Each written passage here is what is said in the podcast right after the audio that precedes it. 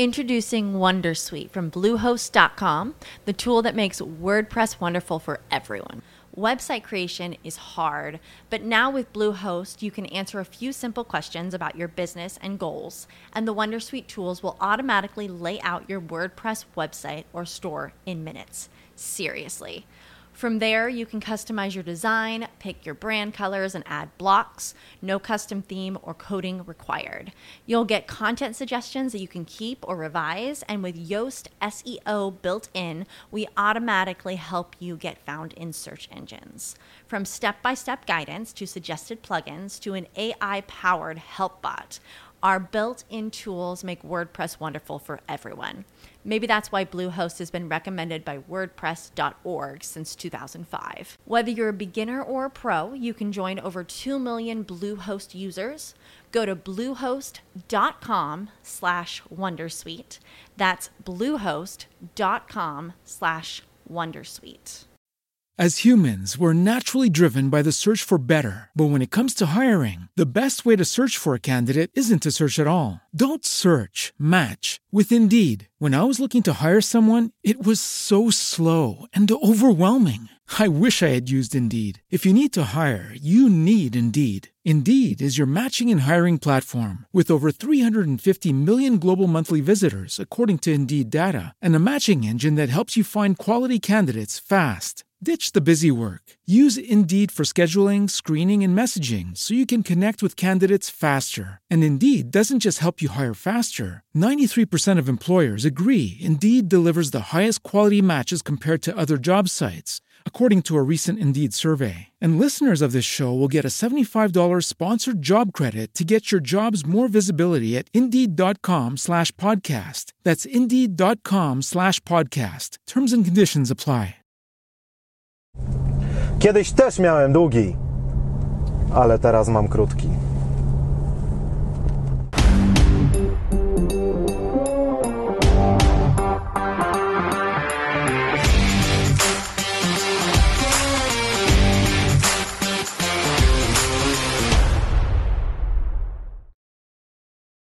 Cześć, z tej strony Maciek Wieczorek, a to jest program Biznes 2.0, czyli ten program, w którym zastanawiamy się, jak mieć więcej pieniędzy, jak lepiej finansowo żyć, jak wydawać mniej, jak zarabiać więcej. A dziś poruszymy temat, który jest bardzo, bardzo ważny w normalnym czasie, w czasie kryzysu jeszcze bardziej ważny, chociaż tak naprawdę to zawsze większość ludzi w tym temacie niestety nie domaga, a to się wiąże z tym, jak wygląda sytuacja ogólnie na świecie, korporacyjna sytuacja można powiedzieć, czyli to, że stworzyliśmy w naszej części świata kulturę i w paru jeszcze częściach świata kulturę długu, czyli tego, że należy wszystko kupować na kredyt, że e, pożyczamy pieniądze, oddajemy z małym procentem tak zwanym i tak dalej. No i w związku z tym w którymś momencie mamy tych długów za dużo. E, prędzej czy później zdarza się to większości osób, które biorą długi. E, być może dzisiaj podam parę statystyk, natomiast rozbiję ten temat na dwa odcinki, ponieważ temat jest bardzo, bardzo rozległy, a chciałbym, żebyście, zwłaszcza ci z Was, którzy mają długi, czyli znając życie, no to co najmniej co drugi oglądający. Więc e, rozbiłem to na dwa odcinki, żeby naprawdę tej wiedzy było na pęczki, bo to jest bardzo, bardzo ważna rzecz. Na początku jeszcze informacja organizacyjna. Będziemy kręcić w najbliższym czasie wywiady z kilkoma osobami, które były już u nas w programie e, i Wy zadecydujecie, co to będą za osoby. W sensie napiszcie w komentarzu, które odcinki Wam się najbardziej podobały. Mówię oczywiście o programie Expert Bentleyu, a nie Biznes 2.0, bo w tym to ja sam jestem swoim gościem, więc nie piszcie w 100 komentarzy typu macie wieczorek, tylko napiszcie, które odcinki Wam się podobały, nie wiem, Sławomir Mencen, Trader21, Fil Konieczny i tak dalej. No i w oparciu o te komentarze będziemy odzywać się do tych osób i mówić, chodźcie tu jeszcze raz, bo fajnie gadaliście i a to było dawno, także pogadajmy ponownie. Także tak zamierzamy zrobić, więc zostawcie komentarz.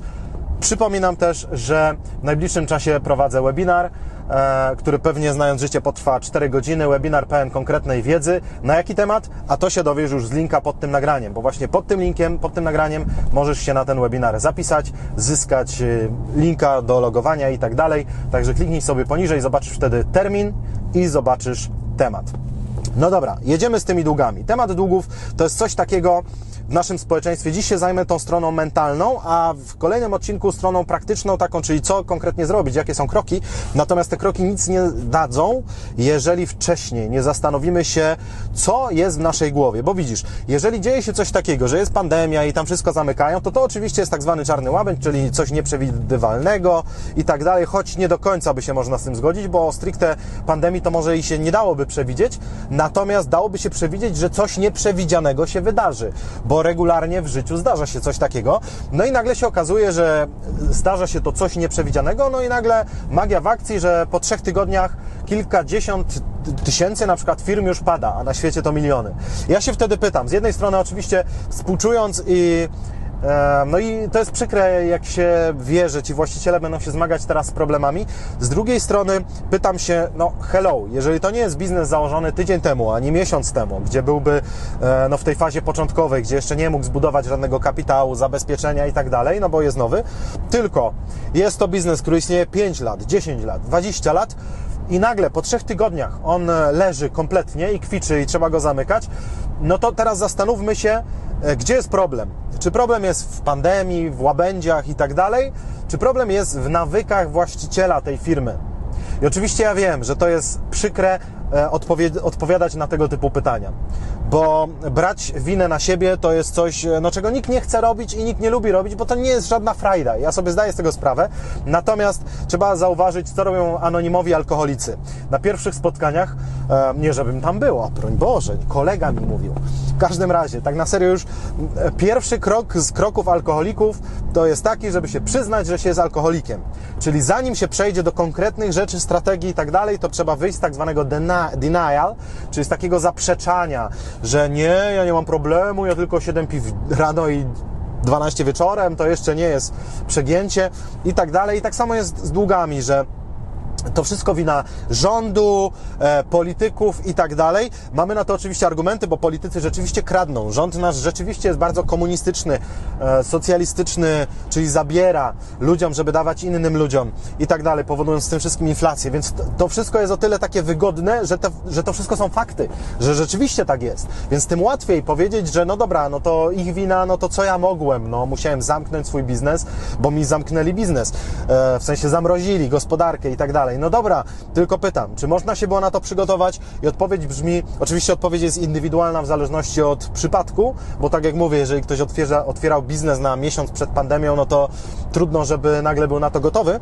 Natomiast jeżeli ktoś otwierał go dawno i zawsze koszty przewyższały przychody albo były na styk, żadna kasa nie była odkładana w firmie, nie, była, nie było optymalizacji podatkowej, nie było żadnej rezerwy, no to potem nie dziwota, że pierwsza lepsza rzecz powoduje, że biznes leży. No natomiast na mnie chodzi dzisiaj o to, żeby e, kwiczyć nad swym losem, tylko żeby poszukać rozwiązań. Ale żeby te rozwiązania działały, trzeba najpierw się przestawić w głowie i dlatego ja dziś obalę kilka mitów, chyba kilkanaście tak naprawdę, mitów o długach. Ponieważ długi to jest coś takiego, że to jest tak normalne w dzisiejszym społeczeństwie, że aż my myślimy, że to tak powinno być, że to świat taki jest. I moje poglądy w tym temacie są dosyć ekstremalne. Ale może zacznijmy od tego, czy ten gość, który do ciebie mówi, ma jakiś taki, wiesz, mandat, żeby mówić w ogóle na ten temat. No, po pierwsze, to mandatów to ja mam w ogóle dużo. Dostałem ich już trochę. Natomiast mandat, żeby mówić o długach, mam, ponieważ miałem któregoś dnia milion złotych długu.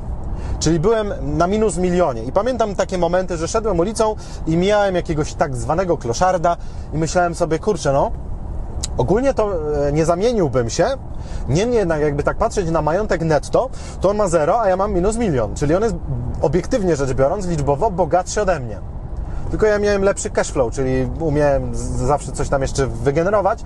Natomiast tak ogólnie, no to minus milion to jest taki moment, kiedy człowiek się zastanawia, czy, czy w ogóle to ma sens jeszcze, E, człowiek się czuje, zwłaszcza podejrzewam, że u mężczyzn, u nas to jest takie silniejsze, że człowiek się czuje taką porażką, takim niedorajdą, że no kurczę, mam tu utrzymywać rodzinę i tak dalej, a, a wyszło, że jestem oferma ostateczna, że nie, nie tylko tego nie mogę zrobić, to jeszcze wychodzi na to, że najbliższe kilkanaście, dziesiąt lat będziemy płacić za moje błędy i to jest bolesne.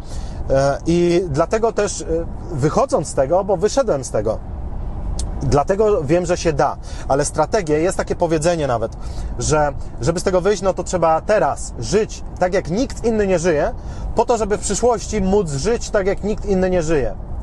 I to jest właśnie wychodzenie z długów. Dziś trzeba być gotowym do pewnych rzeczy, do pewnych poświęceń, których nikt nie robi. Te strategie, które ja zastosuję, część swoich znajomych wyśmieje. Po prostu powiedzą, ten wieczorek oszalał, on jest ekstremistą, on jest taki czarno-biały, on ma chorobę dwubiegunową, on nie umie zauważyć, że jest wiele odcieni szarości i tak dalej, tylko tak mówi dług, pie, pieprzyć dług. I tyle, to jest ekstremalne, ludzie tak nie żyją. Może i nie żyją, ale wiesz co? Kiedyś w starożytnym Rzymie były takie imprezki. Imprezki polegały na tym, że zjeżdżali się senatorowie, konsulowie i tak dalej, trybunowie, pili, palili lulki tam i tak dalej i ogólnie imprezy jak u nas. Z jedną różnicą na szczęście, e, na naszą korzyść, na szczęście, że oni wtedy jeszcze brali takich chłopców w wieku 10 do 12 lat i sobie z nimi używali. A raczej nie z nimi, bo to by sugerowało, że ci chłopcy coś mieli do gadania, bardziej sobie ich używali. No i i to było wtedy normalne. Rozumiesz to, że wtedy gość wpadał na taką imprezę, taki senator mówi, o, jest mały tam Poncjusz, chodź Poncjuszu i dla nich to było, no, że wtedy jak twarzyłby taki wieczorek na tą imprezę i by powiedział, poje was, to oni by spojrzeli na takiego wieczorka i mówili, i by powiedzieli, ty no chyba ciebie. Przecież to, to jest nasza tradycja, o, o co ci w ogóle gościu chodzi? I widzisz, bo czasy się zmieniają, nawet moralność, jak widać, się zmienia z czasem, no i dzisiaj na szczęście wiemy w tym temacie, że to jest jednoznacznie złe, ale w temacie pieniędzy zda, zdajemy się nie zauważać, że kredyty, a już zwłaszcza kredyty konsumpcyjne, to jest rzecz jednoznacznie zła. Rozumiesz? Tu nie ma pola do dyskusji. To jest po prostu, są takie rzeczy, że wiesz, masz, jest Bentley, no nie? I można dyskutować, czy on jest fajny, czy jest niefajny. Jeden powie, że jest fajny i ma rację, drugi powie, że jest brzydki i ma też rację, bo Nie. to jest, nie ma racji, bo to jest kwestia dyskusyjna, gdzie można mieć swoje zdanie. Natomiast dług konsumpcyjny to jest głupota. I jeżeli uważasz inaczej, to się mylisz. Po prostu, to nie masz racji i, to, i trzeba będzie z tym żyć. I twoje życie, jeżeli będziesz zakładać, że jednak dług konsumpcyjny może być dobry, to twoje życie pokaże ci, że nie masz racji. I już, i to jest tak brutalne i tak proste jednocześnie. Więc ja dzisiaj będę czarno-biały. Bardzo, ponieważ dzięki tej mojej czarno-białości, którą nabrałem, nauczyłem się tego w tym temacie, dzięki temu wyszedłem z długów. I to ogromnych. Więc e, mam dowody, że to wszystko, o czym mówię w tym odcinku i w kolejnym po prostu działa. Będzie to wymagało zmiany nawyków. Pokazałbym Ci teraz książkę nawyki, ale, ale zabrakło w aucie. Więc pokażę Ci 48-godzinną dobę i zakryję tytuł i będę mówić, że w mojej książce Nawyki 2.0, którą kupisz na ekspertia.pl, e, dostaniesz 400, dostajesz 400 stron tego, jak radzić sobie ze zmianą nawyków. A to jest bardzo ważna rzecz w temacie pieniędzy, bo tu chodzi przede wszystkim o nawyki. Jak to zrozumiesz, że to, ile dziś masz pieniędzy, a przede wszystkim ile dziś masz długów, zależy od tego, jakie w przeszłości miałeś nawyki, to zrozumiesz, co trzeba zmieniać. Tu nie trzeba e, nie wiadomo jakich czarów. Tu nie, nie zawsze trzeba zacząć więcej zarabiać, bo często tak jest, że zadłużeni są ludzie, którzy już zarabiają dużo, ale oni nawet, nawet jak ktoś zarabia e, mało i ma długi, to jak zacznie zarabiać dużo, to też będzie mieć długi, tylko większe. To Ci gwarantuję, ponieważ to jest kwestia nawyków. Więc chciałbym rozprawić się z paroma mitami e, finansowymi, długowymi dzisiaj, typowo związanymi z długami, po to, żeby jakby Cię oświecić, ponieważ Twoi znajomi tego nie wiedzą niestety na 99%, dlatego przekaż im to wideo, a potem podyskutujcie, pogadajcie sobie, że wieczorek to debil i tak dalej, ale potem potajemnie zastosuj te kroki i zobaczysz, że za 2, 3, może 5 lat będziesz najszczęśliwszym człowiekiem na świecie. Bo zastanawiam się, pytanie retoryczne, jak myślisz, czy ktoś na świecie się zabił przez długi? Czy, czy myślisz, czy ktoś już na świecie, w Polsce na przykład, ograniczmy się w Polsce, czy ktoś się zabił przez długi? Że wstał rano, spojrzał na swoje stany kont i stwierdził, może odebrał jakąś rozmowę od, e, od komorników i tak dalej i po prostu stwierdził, że lepiej się zabić. Wydaje mi się, że odpowiedź na to smutne pytanie jest jednoznaczna. Na pewno takich ludzi są tysiące, jeśli nie setki tysięcy. Mnóstwo takich ludzi jest już w każdym wieku. W Stanach przynajmniej, nie wiem jak w Polsce, bo nie dotarłem do tych statystyk, ale w Stanach okazuje się, że bardzo wielu ludzi, na przykład w wieku 21-22 lat, popełnia samobójstwa przez to, że widzą, że ich kredyty studenckie są praktycznie niespłacalne, bo oni już wciskają im takie kwoty, że ci ludzie tracą nadzieję. Więc e, to nie jest śmieszne. Więc zadam kontrpytanie. Czy myślisz, że ktoś się zabił przez brak długów? Czy wstaje rano człowiek, patrzy na swoje konta, no nawet jak ma mało, ale nie ma żadnego minusa, żaden komornik do niego nie dzwoni i on stwierdza, to jest powód, żeby się zabić. Nie mam długów. No, jakbym miał kredyt na 300 tysięcy, to jeszcze by było po co żyć. Ale jak nie mam, to idę się powiesić. No przyznasz, że to jest trochę absurdalne. I widzisz, to się wydaje logiczne i oczywiste.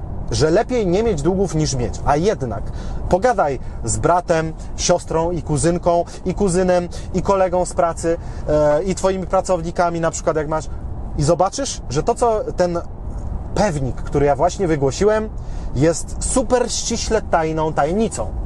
Nikt tego nie wie, że lepiej nie mieć długów niż mieć. Ponieważ jest wiele mitów, które oczywiście budują korporacje po to, żeby nam wciskać swoje produkty. Zatem rozprawmy się z tymi mitami. Pierwszy mit może bardziej tak pozytywnie. Jest taki mit obiegowy, że za długi, jak się ma długi, to, to jest koniec świata. I to od tego celowo zaczynam, bo wiele osób, które ma długi, jest przytłoczona. Ja pamiętam ten czas, kiedy ja miałem takie długi, e, no to naprawdę myśli były różne. Może nie będę mm, sobie tego wspominać, chociaż no, różne po prostu straszne były myśli, e, łącznie z tym, że może by to jednak zakończyć. Pewnie i tak bym tego nie zrobił, bo bo tak w takich tematach to jestem taki teoretyk na szczęście, e, czyli sobie tam pofantazjuję, co by było, jakby mnie nie było, ale wiem, że i tak tego nie zrobię. Ale są ludzie, którzy różne rzeczy sobie mogą zrobić przez długi, więc zastanówmy się nad aspektem praktycznym. Mit mówi, że jak, jest, jak są długi, to jest koniec świata, nie da się normalnie żyć, zawsze zabiorą ci wszystkie pieniądze i tak dalej, i tak dalej. Prawda natomiast jest taka, że jak masz długi, to po pierwsze za to nie idziesz siedzieć, chyba, że zrobiłeś je celowo, czyli fałszowałeś dokumenty, e, wiedziałeś albo na przykład brałeś kredyt w ten sam dzień w siedmiu różnych bankach, wiedząc, że nie masz szans, żebyś to spłacił, ale zanim e, BIK by potwierdził Twoją niezdolność kredytową na przykład i tak dalej. No to, to są takie case'y, ale bardzo rzadkie i tak naprawdę znamy kilka przypadków, gdzie ktoś teoretycznie mógł iść siedzieć za swoje długi, bo zrobił grubego wała, a i tak się skończyło wyrokiem w zawieszeniu.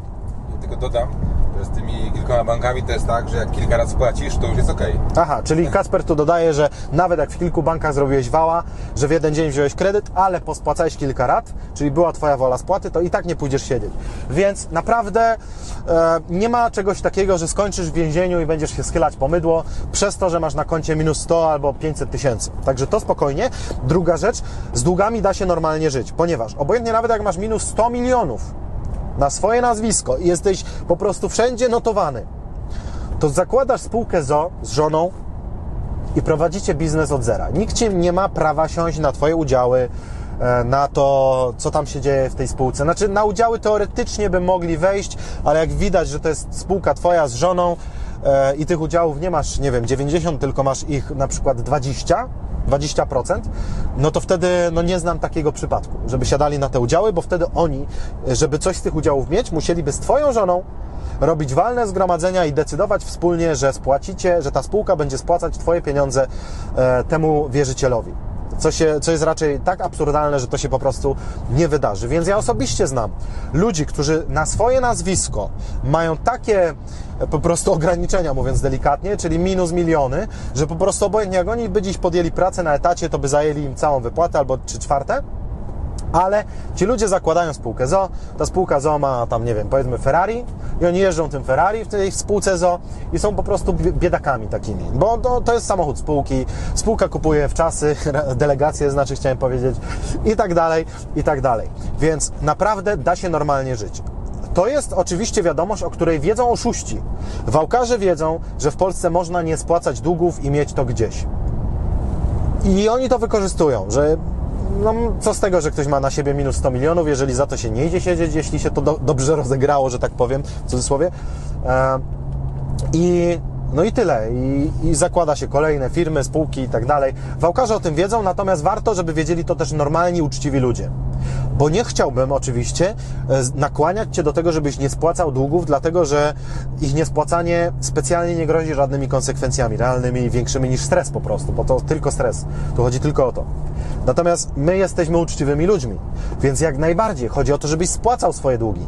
Wiem natomiast z własnego doświadczenia, że jest taki moment, że jak przychodzi do Ciebie 12 wierzycieli naraz, to nie ma bata. Po prostu choćby skały, srały, nie spłacisz ich wszystkich naraz, bo to jest niemożliwe wtedy. I wtedy przydaje się ta wiedza, że no dobra, no, jak przestaję, przestanę płacić albo będę płacić złotówkę miesięcznie na każdy dług, a na jednym się będę skupiać, to wtedy, że tak powiem kolokwialnie, nic mi nie mogą zrobić. Ja sobie tak obiecałem, że tak właśnie będę robić w, w moim ciężkim czasie. E, i normalnie żyłem. Znaczy normalnie. Oczywiście dalej byłem zestresowany, ale wiedząc, że ani nie pójdę siedzieć i że dalej mogę zarabiać pieniądze, żyć, mieć samochód, że nic mi nie zabiorą, to się okazało, że mogłem skupiać się na jednym długu, o tym będę mówić w kolejnym odcinku, o strategiach spłacania długu, natomiast ogólnie mogłem skupiać się na jednym długu i ta, tą pozostałość, te wszystkie inne po prostu trochę obsługiwać bardziej niż spłacać, czyli coś tam wpłacać, żeby tylko było i dalej sobie normalnie żyłem i obiecałem sobie, że jak spłacę ten jeden dług, to wtedy biorę się za kolejny, za kolejny, za kolejny. Czyli ja wiedziałem, że ja spłacę każdy z tych długów. To było pewne, natomiast wiedziałem, że muszę sobie odpuścić z niektórymi, bo to po prostu było tego zbyt wiele. A nie chciałem robić konsolidacji, o czym jeszcze będę mówić dziś i następnym razem. Także to, że długi koniec świata to jest mit. Jak masz długi, to może Twoje nazwisko jest skażone, może jesteś we wszystkich rejestrach, ja też byłem, we wszystkich pikach i tak dalej, ale to nie ma znaczenia. Zakładasz wtedy spółkę, żyjesz normalnie, działasz i w swoim czasie spłacasz swoje długi. Bardzo ważna rzecz. Także jak już miałeś przygotowany sznur, no to w tym momencie możesz go jednak wyrzucić do kosza, bo wszystko będzie dobrze. Naprawdę wszystko będzie dobrze. Jedziemy dalej. E, kolejny mit w temacie pieniędzy i długów to jest, że bank to jest instytucja zaufania publicznego i wszyscy tam są mili i kochani. My często tak myślimy, że masz to jak w banku i tak dalej, ale zapominamy o tym, że bank to jest prywatna firma, która ma swoich akcjonariuszy, którzy muszą, muszą trzepać kasę. Rozumiesz? Celem banku jest zysk. Więc wszystkie te historie, typu karta kredytowa 54 dni za darmo, albo e, że bank tak ci pomaga, trzymając Twoje pieniądze i tak dalej, że kredyt 0%, to jest wszystko fikcja. To jest prywatna firma. Czy ty jako prywatny przedsiębiorca będziesz ludziom rozdawać pieniądze za darmo albo pożyczać na 0%? No nie, bo to jest nielogiczne. Więc oni zawsze muszą mieć interes i ich interesem jest zysk. My natomiast w naszym społeczeństwie, w społeczeństwie traktujemy banki, jak one by były, nie wiem, no, instytucjami w ogóle rządowymi. Że bank to jest powiązany z rządem, więc bank to jest taki pewny, tak jak rząd nie upada, no to bank nie upada i tak dalej, i tak dalej. To są prywatne firmy. W dodatku niektóre z nich są tak naprawdę potężniejsze niż rząd i mogą na rządy wpływać bardziej niż rząd na banki. Niemniej jednak to są biznesy, którym chodzi wyłącznie o swój zysk. Więc to, że wchodzisz do banku i tam miła sarenka cię wita w taką fantastycznej garsonce i że jest taka profesjonalna atmosfera i tu napisie kawki, to jest ułuda, to jest fikcja. To jest zrobione tylko po to, żeby wziąć Twoje pieniądze. To trzeba sobie powiedzieć prosto. Banki są po to, żeby brać Twoje pieniądze. I już, banki nie są po to, żebyś zarabiał. Po to, żebyś zarabiał, to wiesz, nieruchomości możesz kupić, e, biznesy się buduje po to, żeby zarabiać. Natomiast w banku, no niby można mieć lokaty, e, które dają zarobić symbolicznie, w zasadzie e, teraz to chyba już nie dają wcale, więc w banku chodzi o to, żeby trzymać tam swoje pieniądze i mieć je pewne jak w banku, a życie pokazuje, że jak nadchodzi kryzys, to niektóre banki padają i Twoje pieniądze również, może są fundusze gwarancyjne i tak dalej, ale również dziwne rzeczy się dzieją na świecie, tak jak choćby w Cyprze, gdzie wzięto ludziom 10% ich pieniędzy na ratowanie gospodarki, więc żebyśmy się kiedyś nie zdziwili. Także my musimy pamiętać, że ten cały anturaż tak zwany, ten bankowy, że Ty wchodzisz, wszystko takie ładne, profesjonalne i tak dalej, to nie jest po to, że to jest po prostu taka wysoka profeska, tylko to jest po to, żeby nas omamić. I każdy z Was, kto kiedykolwiek zalegał z pieniędzmi w banku, ten się ze mną teraz zgadza. Bo jak Ty masz wziąć kredyt, jak Ty masz założyć konto, lokatę, to wszyscy są mili, wspaniali Cię kochają i po prostu ta miła pani to wręcz pod stół wejdzie, żeby Ci e, miło e, rozpocząć Twój dzień. Ale spróbuj nie spłacić dwóch rat i zobaczysz, że tym wszystkim ludziom, tak jak był dr Jekyll, to nagle nadchodzi Mr. Hyde i im się włącza czerwień w oczach nagle, żyły im tu skaczą, pistolety się odpalają, gaz łzawiący biorą i dzwonią do ciebie i kiedy pan spłaci? Bo ja tu widzę, że e, należność jest nieterminowa, a zdaje pan sobie sprawę, co będzie, jak pan nie będzie płacić? A wtedy wypowiemy panu umowę kredytową i będzie natychmiastowy termin spłacalności w jeden dzień. Jak pan tego nie spłaci, będziemy liczyć odsetki, piszemy pana do KRD, nigdy pan nie dostanie kredytu. Taka jest gadka. 10 lat temu była jeszcze gorsza, bo wtedy ludzie nie nagrywali rozmów, więc wtedy to słyszałeś, że cię wywiozą koledzy ze wschodnim akcentem do lasu od e, windykatorów różnych. Dziś to się już raczej nie dzieje. Niemniej jednak, to żeby to były miłe rozmowy, to nie można powiedzieć. Więc dopóki jest dobrze i dajesz im swoje pieniądze, to jest dobrze, ale spróbuj nie spłacić i zobaczysz, jak oni się do ciebie odwrócą plecami. To jest niesamowite. Więc bank to jest typowo fałszywa instytucja. To jest instytucja, z którą, wiesz, to jest jak wyjeżdżasz na skrzyżowanie. Niby wiesz, kto ma pierwszeństwo, ale ograniczone zaufanie musi być.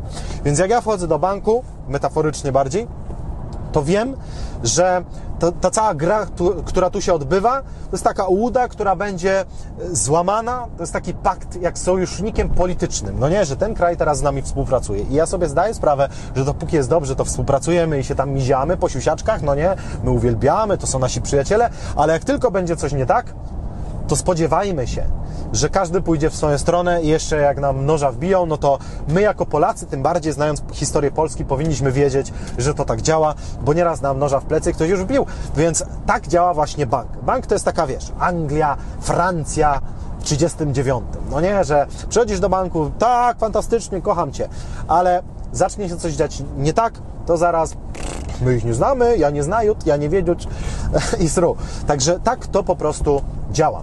Więc o tym pamiętaj. Więc banki to jest instytucja, której należy nie ufać. To jest instytucja nieufności publicznej. To jest instytucja, która chce Cię oszukać. I już, to jest, wiesz, jak jedziesz na wczasy i tam pan mówi, daj mi banknot 100 euro, to ja ci wymienię na 200. No nie, no, takie lampki powinny ci się zaświecić, że w tej rozrywce może jest ukryty jakiś wałeczek. I już, także pamiętaj o tym, że bank cię tylko kocha, jak będziesz mieć pieniądze, a jak nie, no to się skończy. Dobra, ale Maćku, inny mit. Maćku, ja muszę mieć dług, bo ja mam ciężką sytuację, ja sobie nie radzę finansowo. No więc na ten mit odpowiem najpierw pytaniem. A co jakbyś żył w kraju, gdzie by ci żadnego kredytu nie dali? Bo tu jeszcze pójdziesz, dostaniesz jakąś chwilówkę, jakąś lichwę, no ale byłbyś w Ugandzie, żyjesz w jakiejś wiosce, e, chodzisz dziennie 8 km po wodę, no i mówisz ciężko jest, a na pewno ci ludzie mają dużo ciężej niż najbiedniejsi Polacy, więc ciężko jest, no i nie możesz dostać żadnej pożyczki, nawet chwilówki, bo nikt ci nie da. No chyba, że dziecko sprzedasz, no to może być tam jakieś pieniądze dostał, ale zakładając, że nie chcesz posuwać się do takich ekstremów, no to co? Nie dostaniesz kredytu i co? Leżysz i umrzesz, czy sobie jednak poradzisz? My musimy zrozumieć, że albo sobie poradzisz wewnętrznie, na zasadzie, że ja jestem taki człowiek, który sobie poradzi ze wszystkim, zawsze coś wymyślę, albo będziesz sobie radzić zewnętrznie, czyli dajcie mi, zróbcie mi dotacje, pożyczcie mi pieniądze i tak dalej. Kim jesteś? To jest moje pytanie do Ciebie. Kim Ty jesteś? Czy Ty jesteś człowiekiem, ofiarą socjalizmu, że ja czekam, aż coś się wydarzy? Czy Ty jesteś e, produktem kapitalizmu? Czyli mam motywację, żeby coś zmienić w swoim życiu, więc zapierdzielam. Już. Więc na, czy naprawdę, jak nie dostaniesz kredytu, jakieś chwilówki, to po prostu koniec świata, jutro nie masz co jeść? A jak tak, to co byś zrobił w Ugandzie? To może byś już nie żył w takim razie. Więc nie ma czegoś takiego. Ponadto, jeżeli już by powiedzieć, że dług jest dla kogoś narzędziem, choć z tym będę dyskutować, ale jeżeli, to wiesz dla kogo? Dla bogaczy. Czyli człowiek ma na koncie 300 tysięcy, kupuje auto za 100 i weźmie na kredyt, w sensie leasing. To to jeszcze, ja i tak bym z tym dyskutował, ale powiedzmy, że jak on sobie zostawi 300 koła na koncie e, i ma pomysły, jak rozwinąć za to firmę, no to jeszcze to ma jakiś sens. A przynajmniej, nawet jak to jest głupie, a trochę jest, to przynajmniej skala ryzyka jest bardzo mała. No bo dobra, ma 300 koła, leasing mu nie wyjdzie, ukradną mu to auto, nie zwrócą z ubezpieczenia, dalej będzie mieć leasing do zapłaty stówę, e, śmiechy chicha, ja dokładnie taką sytuację miałem, także pozdrawiam Hestię. W każdym razie e, no i co? I masz do spłaty 100 koła, auta nie masz, e, ale na przykład masz pieniądze, masz 300 koła na koncie, to takiej sytuacji w tamtym czasie nie miałem niestety, no ale jakby ktoś miał, no to to jest jeszcze bezpieczna rzecz. A kto bierze zazwyczaj leasing? Ktoś, kto nie ma 10 tysięcy nawet na koncie. On pożyczy jeszcze na 10% pierwszej wpłaty, czyli 10 koła musi wpłacić do banku, to on jeszcze to pożyczy kredytem konsumpcyjnym, jakimś gotówkowym i to na klik w banku, tym najbardziej oprocentowanym i z najwyższą marżą. I nowe auto. I nowe auto oczywiście, bo to musi być nowe, a najlepiej to w ogóle nie kupować, tylko wynająć, żeby płacić do usranej śmierci. To przecież najem, to wiadomo. Także to są ciekawe rzeczy, więc ja zapytam jeszcze raz, czy na pewno ten dług Ci jest potrzebny i czy na pewno powinieneś iść, iść, do tych lichwiarzy, którzy ci dadzą chwilówkę jakąś i wezmą na tym 30% albo 50%, albo tak naprawdę, licząc w skali roku, to to jest 650% nieraz nawet. Skala oprocentowania. O co tu w ogóle chodzi? Także i ludzie tak płacą, ludzie zdesperowani. A nie, bo ja oddam za tydzień i zapłacę tylko 120% odsetek. A potem przychodzi co do czego i już nie jest tak różowo. Więc jak masz ciężką sytuację, to nie może tak być. Chwilówki e, nie są produktem dla biednych. W zasadzie, jeżeli już ktoś by miał, to bogatych i to chyba dla żartu, żeby zobaczyć, jak to jest mieć chwilówkę. Czyli ma 100 koła na koncie, weźmie sobie chwilówkę na 5 koła, żeby zobaczyć, jak to jest być, e, e, a powiem kolokwialnie, wydymany w tyłek bez kremu. I to no, jak ma taki, taki, taką pasję, że chce sprawdzać takie różne eksperymenty życiowe, to niech robi. Natomiast jeżeli człowiek nie ma na czynsz i bierze chwilówkę, to to już jest naprawdę e, na zasadzie siedzę w bagnie i stwierdzam, że no fajnie by było stąd wyskoczyć, więc walczyć o to, żeby wyjść, ale sprawdzę, co jest na dnie. Może tam jest jakiś, nie wiem, skarb ukryty. I tak żyją ludzie. Kolejna rzecz. Dług daje możliwości. E, nie. Dług to jest forma niewolnictwa. Możliwości ci dają pieniądze. Jak masz na koncie pieniądze i to swoje pieniądze, to to są możliwości. Natomiast każda forma długu to jest niewolnictwo. Każda.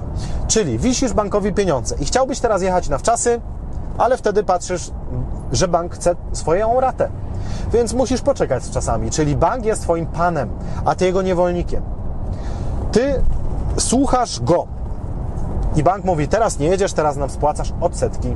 I potem policzysz z perspektywy roku, dwóch, trzech te odsetki i się okaże, że niezłe w czasy w Chorwacji już byś miał za same te odsetki, ale nie miałeś, ponieważ musiałeś bankowi płacić. To jest jeden przykład. Leasing. To jest drugi przykład. E, jak masz auto swoje, na przykład Kacper ma Bentleya, to stwierdza, że jadę sobie do Czech, no i jedzie. A ty, jak tak stwierdzisz, autem leasingowym i nie daj Boże, w Pradze ci ukradną to auto, to ubezpieczyciel typu Hestia, pozdrawiam jeszcze raz, ze swoimi prawnikami wyszuka każdą możliwą okazję, żeby cię oszukać. E, a raczej nie oszukać, bo w świetle prawa, no to po prostu znaleźć lukę, której nie, nie przeczytałeś i nie zrozumiałeś, że nie możesz autem leasingowym wyjeżdżać za granicę, jeżeli nie dostałeś pisemnego zezwolenia. A wiesz, ilu ludzi, którzy ma auta w leasingu, w ogóle o tym wie? 3% może? Jak wyjeżdża za... I teraz ktoś ogląda i mówi, ja pierdzielę, tyle razy byłem moim autem za granicą i nie miałem żadnego zezwolenia od leasingu na opuszczanie granicy. A to widzisz, to teraz już wiesz, że jakby w jakimś ciekawszym kraju od Polski typu Hiszpania, gdzie 45 razy więcej kradzieży samochodów jest. Szok, nie? No to już wiesz, że jak byłeś w Hiszpanii samochodem, e, to miałeś dużego farta, bo nie daj Boże spłacałbyś ten leasing, e, nie mając już samochodu. Także tak by to wyglądało. No i tyle. Więc to jest forma niewolnictwa. Masz auto, jedziesz. E, masz auto w leasingu, czyli nie masz auta, no to nie jedziesz, to się prosisz. E, dostaniesz mandat za fotoradar. Przychodzi Ci pismo z policji i tam oczywiście Twoją kreatywność to już wiesz. E, ja kiedyś dostałem mandat, że proszę o wskazanie, kto prowadził tego dnia takie auto, bla, bla. No to odpisałem uczciwie, że to moja żona była. I oni po 30 dniach, moja żona dostaje pismo, proszę wskazać, kto prowadził. Zamiast z mandatem, to proszę wskazać, kto prowadził. I ona mówi, ewidentnie to był mój mąż, to on prowadził, on zawsze mandaty dostaje. Tak odpisałem. 30 dni mija i zamiast mandat, to my dostajemy, ja dostaję pismo, e, proszę wskazać, kto prowadził. Normalnie głupia rżnęli. Ja, no to ja odpisuję, że wskazywałem, że żona i to, to ona była, to ona tak jeździ. 30 dni, moja żona dostaje. Aha, ja jeszcze dopisałem, że proszę mnie więcej nie niepokoić, bo już raz mówiłem. 30 dni później żona znowu dostaje i ona to samo. Przecież to mąż prowadził. E, I nie, nie, proszę mnie niepokoić, bo ja już raz na takie pismo odpowiadałam. No i w związku z tym, że sprawcy się nie dało ustalić, no to mandat został, nie został w ogóle, nie, nie powstał żaden mandat, no bo jak nie ma sprawcy, no to nie ma, nie ma kogo karać, no nie? Także i jakby nas wezwali do sądu, to ja, ja naprawdę uważam, że to żona wtedy prowadziła, bo wiesz, słabą pamięć mam. Żona ma jeszcze słabszą, więc ona jest przekonana, że ja wtedy prowadziłem i w sądzie byśmy to powtórzyli. Także tak to działa e, i wszystko ładnie, pięknie. Tylko, że w leasingu zapłacisz za to 50 zł, 100 zł za każde tego typu pismo. A na pewno już za pierwsze. Za to, że, bo, ponieważ pierwsze pismo pójdzie do leasingu. I leasing musi, tam musi ładnie, ładna pani Sarenka musi otworzyć komputer, kliknąć Ctrl F i wyszukać Ciebie.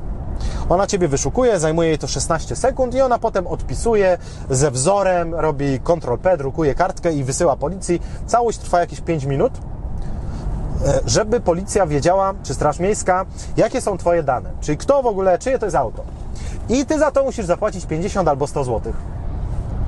No bo czas tej pani jest ważny, no nie? Więc ty musisz zapłacić. Za każdą taką rzecz, każdą pierdołę, z, chcesz zmienić umowę, chcesz spłacić przed czasem ten leasing, chcesz, e, nie wiem, zarejestrować to auto na inną rejestrację, bo ci się spodobała jakaś.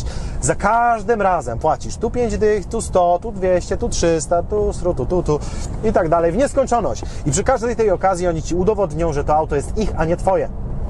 Nawet przy leasingu. Przynajmniej to już nawet nie będziemy dyskutować. Zrób za dużo kilometrów, to cię pokarają. Zrób szkodę, to ci powiedzą, że za bardzo porysowałeś auto i ci naliczą jakieś dziwne kary. I tak dalej, i tak dalej. Twoje auto to jest twoje auto.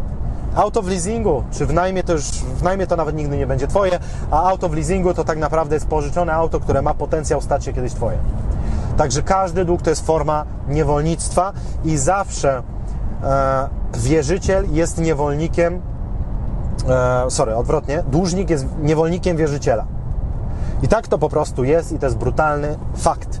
I nawet w rodzinie wiesz, że to psuje relacje, o czym za chwilę jeszcze powiem, że to tak działa właśnie, że nagle ta strona, która pożyczała, obie strony czują się nieswojo, ale nagle się zaczynają dziwne rzeczy. Także nie, dług to nie jest coś w tym stylu i te możliwości, które daje dług, uważam są mocno przyćmione przez efekty uboczne, które prawie zazwyczaj się wydarzą. Kolejna rzecz, dług to normalna sprawa. Czyli no przecież wszyscy mają długi, no nie? Mój kolega ma kredyt hipoteczny. To jeszcze akurat ten hipoteczny to jest o tyle uzasadniony, że nieruchomości są dziś tak drogie, choć właśnie przez kredyty, o czym też jeszcze powiem, e, że dla większości ludzi to będzie niemożliwe kupić domu normalnie ale to jeszcze będziemy gadać. Natomiast kolega kupi auto w leasingu albo w najmie, inny ma karty cztery kredytowe, jeszcze inny jedzie na wczasy do Chorwacji e, na kredyt, pięciu kolegów ma limit w rachunku, to jest takie normalne. Ale o tym już powiedziałem, kiedyś było normalne zapraszanie małego Poncjusza na imprezkę e, trybunów ludowych. I to Wiesz co, dziś w Afganistanie, w niektórych miejscach do dziś się takie rzeczy robi, że żołnierze na przykład biorą jakichś małych chłopców. Zresztą co Ci będę daleko szukać, no są filmy na ten temat, na przykład jak pedofilia wygląda w niektórych środowiskach i tak dalej. Jedni się prze, przekrzykują z drugimi, czy to bardziej celebryci, czy bardziej księża. No nieistotne kto bardziej, natomiast dla niektórych to jest normalne. I, I tyle. W każdym kraju coś jest e, normalne, czego nie powinno być. I już, więc to, że dług jest dziś normalny, normalność to jest to, co robi większość. Tak samo jak na przykład normalni ludzie ci powiedzą, że jak masz dużo pieniędzy, to to jest źle. To jest normalne, ale to jest głupie. I już, z prądem płyną tylko zdechłe ryby. O tym trzeba pamiętać. I to, co sobie tam większość gada, większość spędza mnóstwo czasu w mediach, na przykład w, na portalach informacyjnych, oglądają telewizję i tak dalej, i tak dalej. A mniejszość w tym czasie zarabia kasę i świetnie się bawi. No i już, większość jeździ na wczasy raz do roku, a mniejszość jeździ raz do miesiąca. No to więc się zastanawiam, czy normalność to jest to, co Cię naprawdę interesuje? No to normalne jest mieć długi i zachwalać to jako fantastyczne możliwości.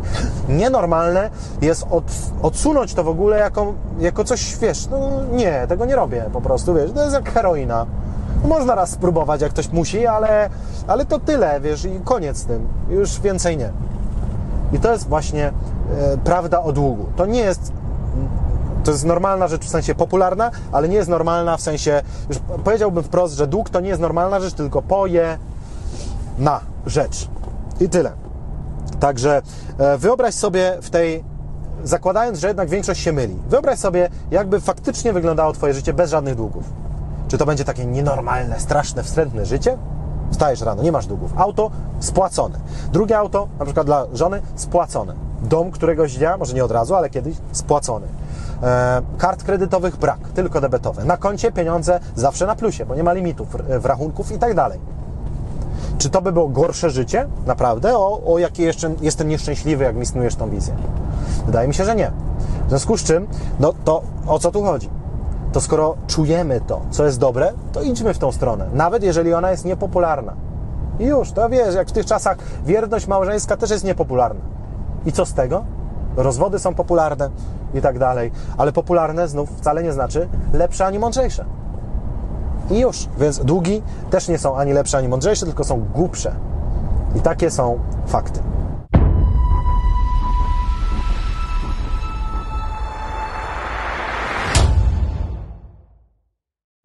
Kolejna rzecz, kolejny mit, dług to jest dźwignia, czyli e, no, nie mogę e, za gotówkę kupić na przykład tyle nieruchomości, ile za dług, więc jak już się ktoś zgodzi, że no dobra, dobra, kredyt konsumpcyjny to tam zły, najem terminowy zły, ale dług to jest dźwignia.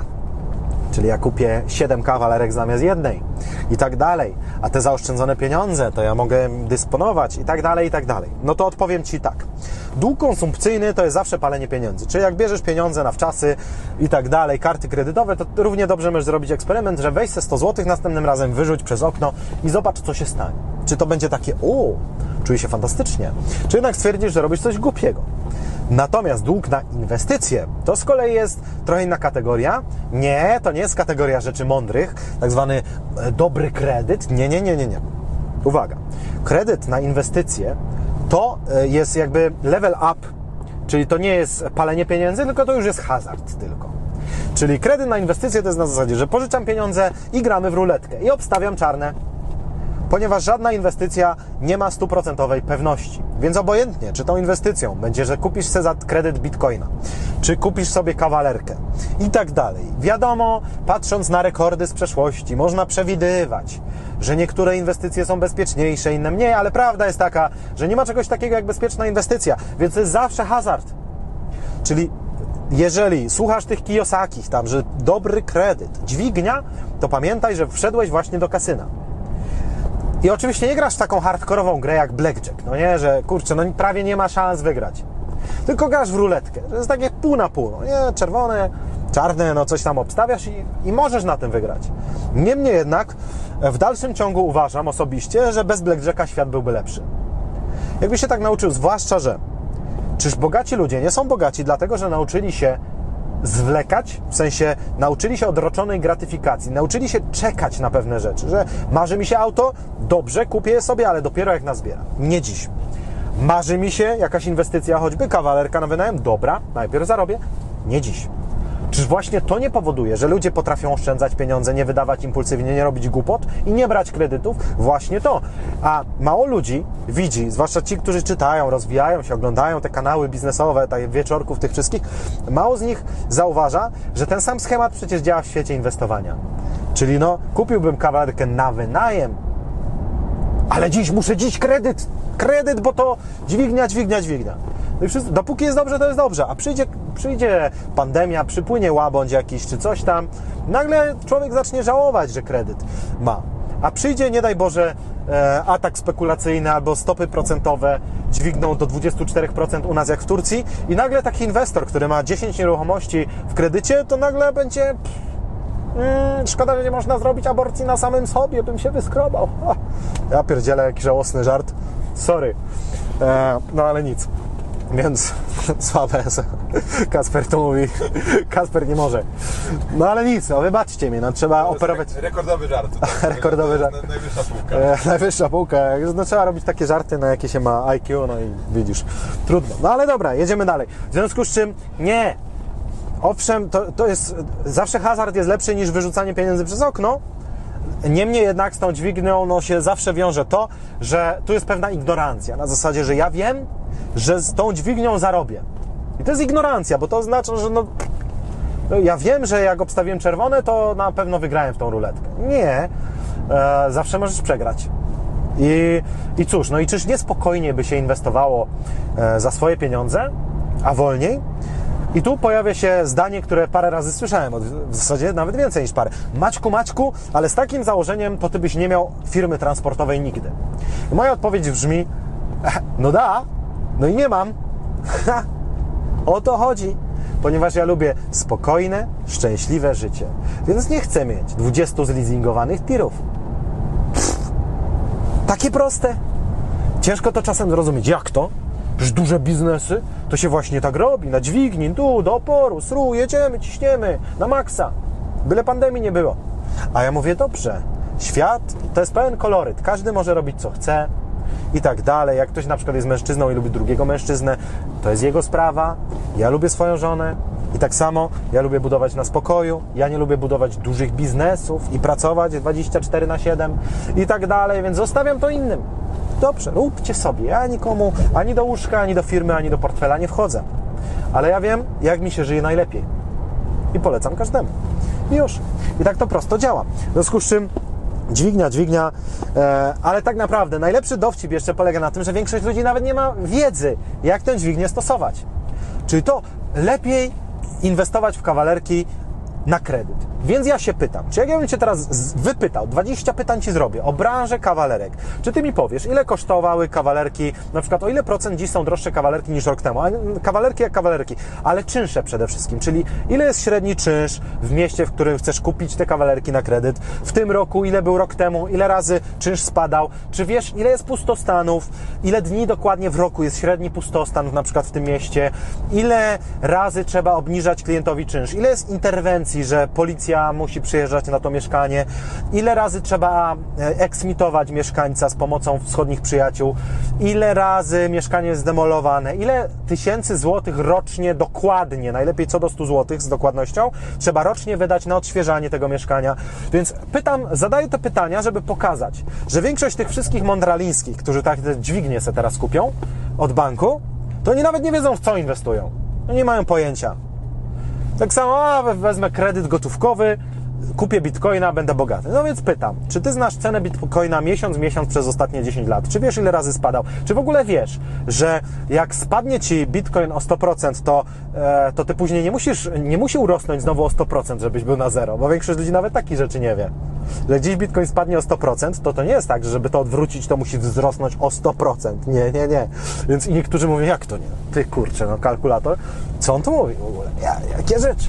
A czy ty wiesz, jak działa dokładnie blockchain? A czy ty znasz podstawy tej technologii? A czy ty wiesz, co to jest halving? A czy ty wiesz, ile bitcoinów dzisiaj co 10 minut jest e, wytwarzane dokładnie? Czy ty wiesz, ile bitcoinów jest zamrożonych? Czyli szacuje się, że nikt ich, do nich nie ma dostępu? Czy ty wiesz, ile czasu trwa założenie alternatywnego bitcoina, bitcoin wieczorek na przykład, jakbym chciał i tak dalej. Czy masz całą tą wiedzę? Jak nie, to nie, mi, nie mów mi, że pieniądze na kredyt to jest dobry pomysł, bo zainwestujesz w bitcoina.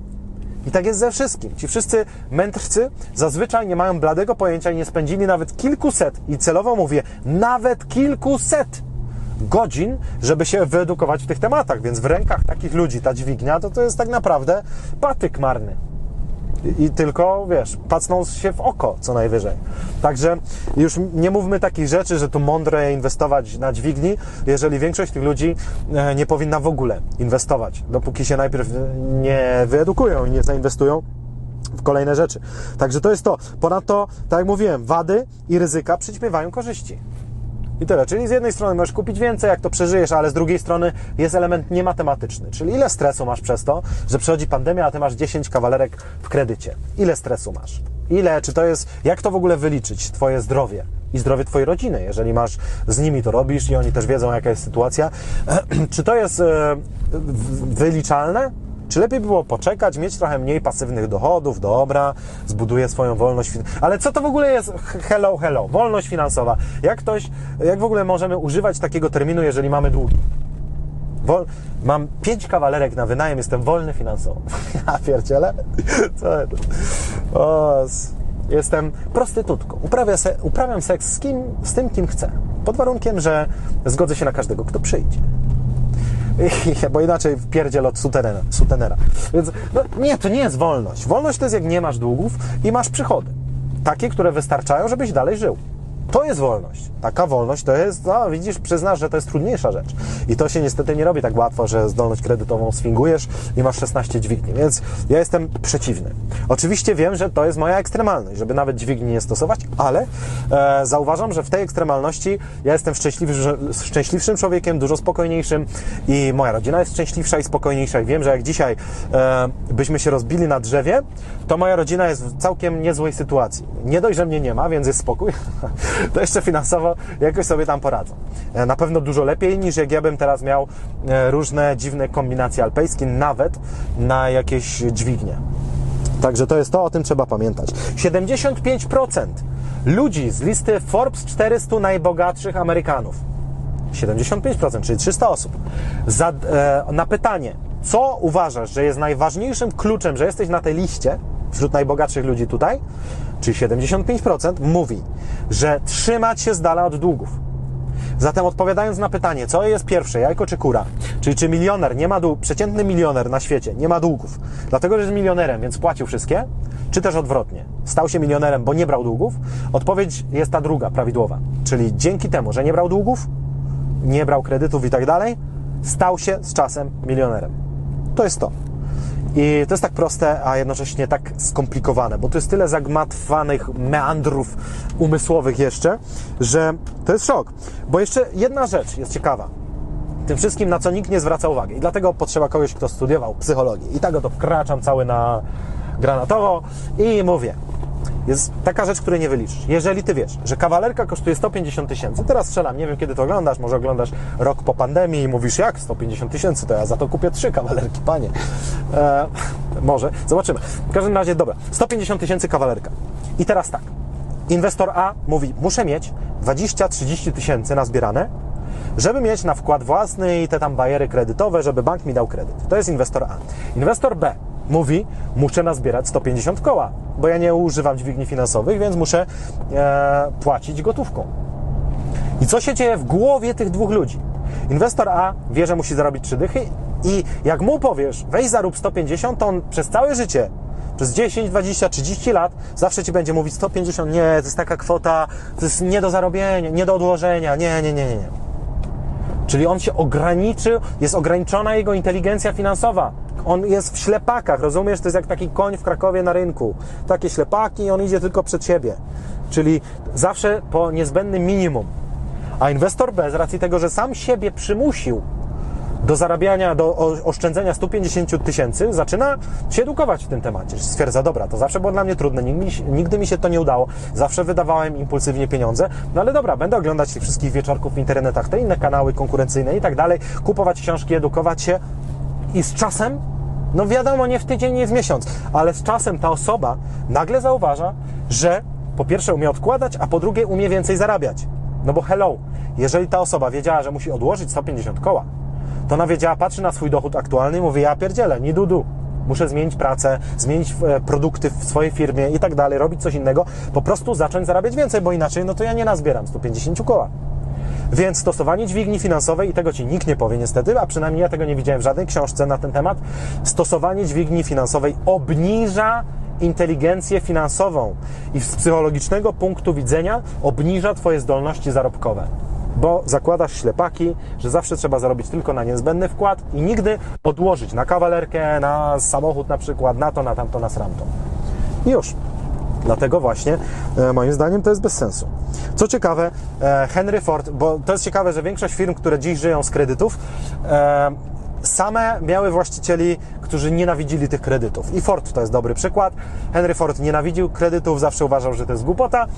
I dlatego ideologicznie 10 lat po tym, jak General Motors, który chyba jest właścicielem Forda z tego co kojarzę, więc General Motors już od 10 lat dawał leasingi i dopiero po 10 latach e, firma Ford stwierdziła, dobra, my też zaczniemy. Dlaczego?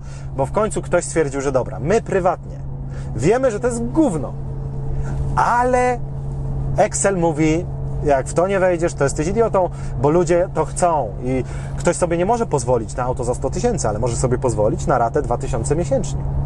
I już, więc tam po prostu są pieniądze i tak się okazuje, że większość firm samochodowych dzisiaj to są tak naprawdę banki.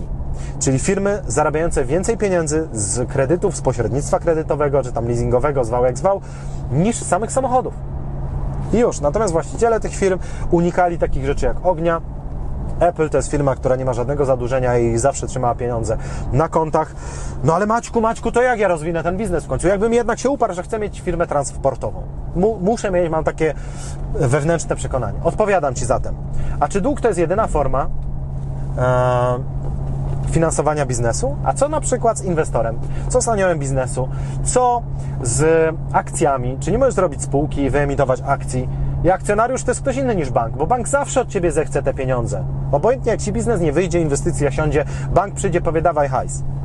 A jak ci startup nie wyjdzie i akcje Twojej firmy będą warte zero, no to Twoi inwestorzy będą wiedzieli, że no, no to jest startup, no nie? No to o to chodziło. Kupujemy akcje, no i hazardujemy i to jest nasza zabawa, no. I to jest w porządku wtedy. Współinwestor, jakiś wspólnik, który Ty wchodzisz z pomysłem i z chęcią działania. Czyli ja będę zarządzać firmą transportową, Ty, mój przyjacielu, masz 2 miliony. Zaczynamy no to to jest uczciwy deal. Ty pracujesz, dajesz z siebie wszystko, no i jak nie wyjdzie, bo coś się wydarzy, no to dobra, no. Ty straciłeś cały swój czas, on stracił cały swój kapitał, a przynajmniej większość, no i rozstajecie się i to jest normalna procedura biznesowa. Tak działa biznes. Są inwestorzy, którzy biorą na siebie poziom ryzyka i oni zazwyczaj dlatego mogą ryzykować, że inwestują swoje pieniądze, a nie bankowe. A ty wkładasz pracę i gra. jesteś bezpieczny. A z bankiem to zawsze jest hazard, bo bankowi trzeba oddać. No i już. Także są alternatywy, jeżeli już musisz takie rzeczy robić. Dobra, kolejny mit. No dobra, ale raty 0% nie są złe, bo Excel pokazuje, że 0%. To jest oczywiście kolejny mit, kolejna bzdura, bo po pierwsze, żeby zrobić raty 0%, zazwyczaj dźwiga się ceny produktów. W zasadzie mnóstwo produktów zdrożało dzięki temu, że można było ludziom wciskać raty 0%. Na przykład samochody, to jest dobry przykład, że dziś nie da się kupić samochodu poniżej 100 tysięcy. Sensownego, jakiegoś takiego, wiesz. A kiedyś tak nie było. No bo teraz są kredyty, leasingi i raty. Leasing 100% albo 101%. U, bajka. Więc po pierwsze, produkty drożeją przez to, że są te raty 0% rzekomo, więc tracisz na czymś innym. Albo kupisz auto w leasingu 101% i taki jesteś kozak, że płacisz tylko 1% odsetek, a nie zauważyłeś, że przez to kupisz nowe auto i za bękę piątkę dałeś 250 koła zamiast 100 za 4-5-letnią ale normalnie kozak jesteś, 1% kredytu, a straciłeś 60% na utracie wartości. Genialne, uuu, mistrz matematyki. Fantastycznie. No ale miałeś diody podświetlane w środku, a których poprzednia BMK nie miała. Prawo warte 150 koła. Ja tam nikomu w portfel nie wchodzę. Jak masz 10 milionów na koncie, to sobie możesz nawet solar do, e, i oczko wodne postawić za, za 100 koła to są Twoje pieniądze. Natomiast... A mamy solar w Bentleyu na dachu, za gotówkę. O, i mamy solar w Bentleyu na dachu za gotówkę, e, także, także to jest to. Więc to jest oczywiście fikcja. A skoro raty 0% to jest takie, że nic nie tracisz, że no, nie dopłacasz, no to no co za problem? No to kup se za gotówkę. Skoro raty 0% to jest to samo, co kupno za gotówkę, dobrze, kup ten telewizor za gotówkę zatem. Nie ma problemu. E, co tam jeszcze? Znowu jest ta, ten sam argument, czyli Raty 0% to jednak są raty, więc znów obniżasz swoją inteligencję finansową. Bo zamiast nazbierać choćby te trzy koła na ten telewizor, to płacisz 10 razy 300 zł, czyli Twoja inteligencja finansowa kończy się na 300 zł miesięcznie. A tak byś, byś sobie pomyślał, albo nazbieram trzy koła, albo nie mam telewizora. I to jest znowu wzrost inteligencji finansowej, unikać takich rad. No i jeszcze pytam, a co jak dzisiaj zginiesz? Weźmiesz te raty 0% na super sprzęty, nie wiadomo co, cudawianki i dziś coś się stanie. Nie, nie, mi się nic nie stanie, bla, bla. No dobra, ale czy ty wiesz, statystyka ze Stanów, jak masz 32 lata, i to mnie przeraża, bo ja mam więcej, jak masz 32 lata, to masz 12 razy więcej szans na to, że zostaniesz niepełnosprawny, niż że umrzesz przed 65 rokiem życia. Rozumiesz to? Czy jesteś trochę bardziej nieśmiertelny niż nieuszkadzalny, mówiąc tak już naszymi słowami. Także 12 e, razy więcej, to jest dużo szans, więc naprawdę można, e, możesz się okazać, że któregoś dnia nie jesteś w stanie e, wykonywać swojego, swojej pracy, swojego biznesu i tak dalej. I co wtedy? I raty 0%, tak, nie miały być, kozaczył i nagle Twoja rodzina musi to spłacać. I co wtedy? No, klocki. Oczywiście jak, się, jak robisz spółki ZOO, rozdzielności majątkowe, bo jesteś sprytny, to rodzina nie będzie musiała tego spłacać. Niemniej jednak, e, jak kupujesz za gotówkę, takie coś się po prostu nie wydarzy. I już. Przy okazji, jak kupujesz coś raty 0%, to przez tą całą procedurę, tu usiądź pan, e, napisie pan kawę i tak dalej, to jest większa szansa, że wcisną ci jakieś gówno. Czyli, a może pan chciał przedłużyć gwarancję do tego telewizora, no nie? Bo telewizory, jak wiemy, e, psują się raz w miesiącu, także trzeba mieć gwarancję na 3 lata, a nie na 2 lata bo inaczej koniec świata. I najlepiej jeszcze dać 500 zł za tą gwarancję. Albo tu jeszcze gwarancja na felgi. Jak kupuję. Różne takie dziwne rzeczy. Jak bawisz się w formalności, jest dużo większa szansa, że takie przy okazji produkty ci wcisną. Jak kupujesz za gotówkę, to nie. I jeszcze jedna rzecz. Raty 0% zazwyczaj, czy prawie zawsze oznaczają, że nie ma dyskusji o cenie. Telewizor kosztuje 3 koła, bo kosztuje 3 koła i pałuj się. Ale jak przychodzisz i mówisz, panie, mam tu 2800, widzisz pan, umiesz pan liczyć? Co z tym zrobimy? No to nagle magia w akcji. To znowu mówiąc do tych ludzi, którzy stosują dźwignię, no nie? pieniądze innych ludzi takie mądre. No to dobra, jak ktoś kupował kawalerkę za gotówkę. W zasadzie, jak ktoś próbował kupić kawalerkę na kredyt, to już, e, to już wie, że to jest prawie niemożliwe. Przychodzisz tam i mówisz, no kawalerka 150 koła, niech pan poczeka, tylko sprawdzą mi zdolność kredytową, potem dostanę kredyt, płata własna, za miesiąc przyjdę. A on ci powie, panie, pałuj się pan, bo tu siedmiu innych inwestorów mi da gotówkę do ręki. I już się okazuje, że lipa. Nic tak na ludzi nie działa, jak zobaczyć gotówkę albo poczuć ich moż możliwość zobaczenia gotówki wkrótce. Więc jak ty komuś powiesz, jest dwóch kupujących nawet auto. I jeden powie, panie, biorę za 9 dych, możemy dziś podpisywać umowę. Auto za 100 koła wystawione, to już 9 dych daje, pieniądze na stole, dzisiaj biorę. A drugi klient mówi, ja wezmę za 96 tysięcy, tylko muszę dostać leasing i tak dalej, zdolność kredytową, więc tak do 3 tygodni to będziemy załatwiać. Większość sprzedających, matematycznie to niby jest nielogiczne, ale większość sprzedających, stwierdzi, wolę tą pewność i tego gościa, który 9 koła wrzuca na stół dziś, niż czekać. Nie mówiąc o tym, że mnóstwo ludzi, którzy coś sprzedaje, w tym in, okazje inwestycyjne, podczas kryzysu tego będzie więcej, oni sprzedają nie dla żartu. O, co tam niedziela, sprzedam sobie kawalerkę za pół ceny i auto za pół ceny. Nie, sprzedają, bo muszą, bo się nie przygotowali, bo nie oglądali kanału Macie Wieczorek na YouTube i nie wiedzieli, że trzeba budować rezerwę finansową, że trzeba się, że warto się nie zadłużać i tak dalej, więc dziś są w tyłku, no i dopiero z tego wyjdą za jakiś czas, czego tym osobom życzę. Niemniej jednak dziś będą sprzedawać swoje okazje. I kto te okazje kupi? No nie ktoś, kto będzie mieć zdolność kredytową, tylko ktoś, kto przyjdzie z hajsem. I już, jeszcze z tym hajsem wynegocjuje lepszą cenę. Więc raty 0% albo kredyt na małe oprocentowanie bzdety. Jeszcze jedna rzecz a propos rat, e, że na Allegro na przykład możesz brać raty 0%, ale nie na firmę. I wtedy y, ci ludzie, którzy kupują telewizory, jak w ogóle można Okej. telewizory na firmę, no. No właśnie, i to jest genialna rzecz na Allegro. Człowiek kupuje telewizor na raty 0%, ale nie może wziąć tych rat 0% na firmę, czyli bierze na siebie. E, I to już oznacza, że jest mało przedsiębiorczy, bo powinien wziąć na firmę. A jak i czyją, no to już w Waszej kreatywności to zostawiam. Natomiast VAT i dochodowy e, to jest znacznie więcej niż tam raty 0%. Także naprawdę to jest ko- kolejny ciekawy argument. Dobra, kolejny to jest, że do długu podchodzi się matematycznie, czyli e, to, czy dług się opłaca, to ja wyliczę w Excelu. Nic bardziej mylnego. No, tu taki kredyt, tu sraki, tu siaki. E, nie. Dług to jest element też psychologiczny i są rzeczy, których do Excela nie wstawisz, czyli poziom stresu. No co, pójdziesz sobie robić badania codziennie, jak ktoś i porównasz badania tych z długami i tych bez długów i sprawdzisz, ile ci mają kortyzolu we krwi, czyli hormonu stresu, ile mają tamci i będziesz tak liczyć w Excelu, zapisywać, ile złotów, każda kolejna złotówka długu zwiększa ilość kortyzolu o tyle. No, z tego co kojarzę, nikt takich badań nie robił, ale każdy głupi wie, że jak się ma długi, to się czuje mniej komfortowo. I to jest wiadome. I już. W związku z czym wychodzisz przed dom i tam jest albo twoje banko, e, twoje auto, albo auto w leasingu. Są dwie zupełnie różne rzeczy, dwa zupełnie różne auta. I już, tak to wygląda. W związku z czym dług to nie jest tylko element matematyczny i wrzućmy sobie do kosza te wszystkie Excele, wyliczenia, że e, to bym zainwestował tam, tak lepiej, tu kredyt, tu coś, tam niski procent. Bzdura! Wszystko fikcja, bo to jest liczenie procent. Ale jest psychologia, jest inteligencja finansowa, o której już powiedziałem, czyli że każdy, kto bierze kredyt, nie, wie, nie wiadomo czy zły, czy dobry tak zwany, on jest z automatu obniża swoją inteligencję finansową, będzie mniej zarabiać w przyszłości, czy wolniej będzie dochodzić do pewnych zysków. Takie są fakty. Tak to po prostu działa. I to są te rzeczy, których w Excelu nigdy nie zobaczysz.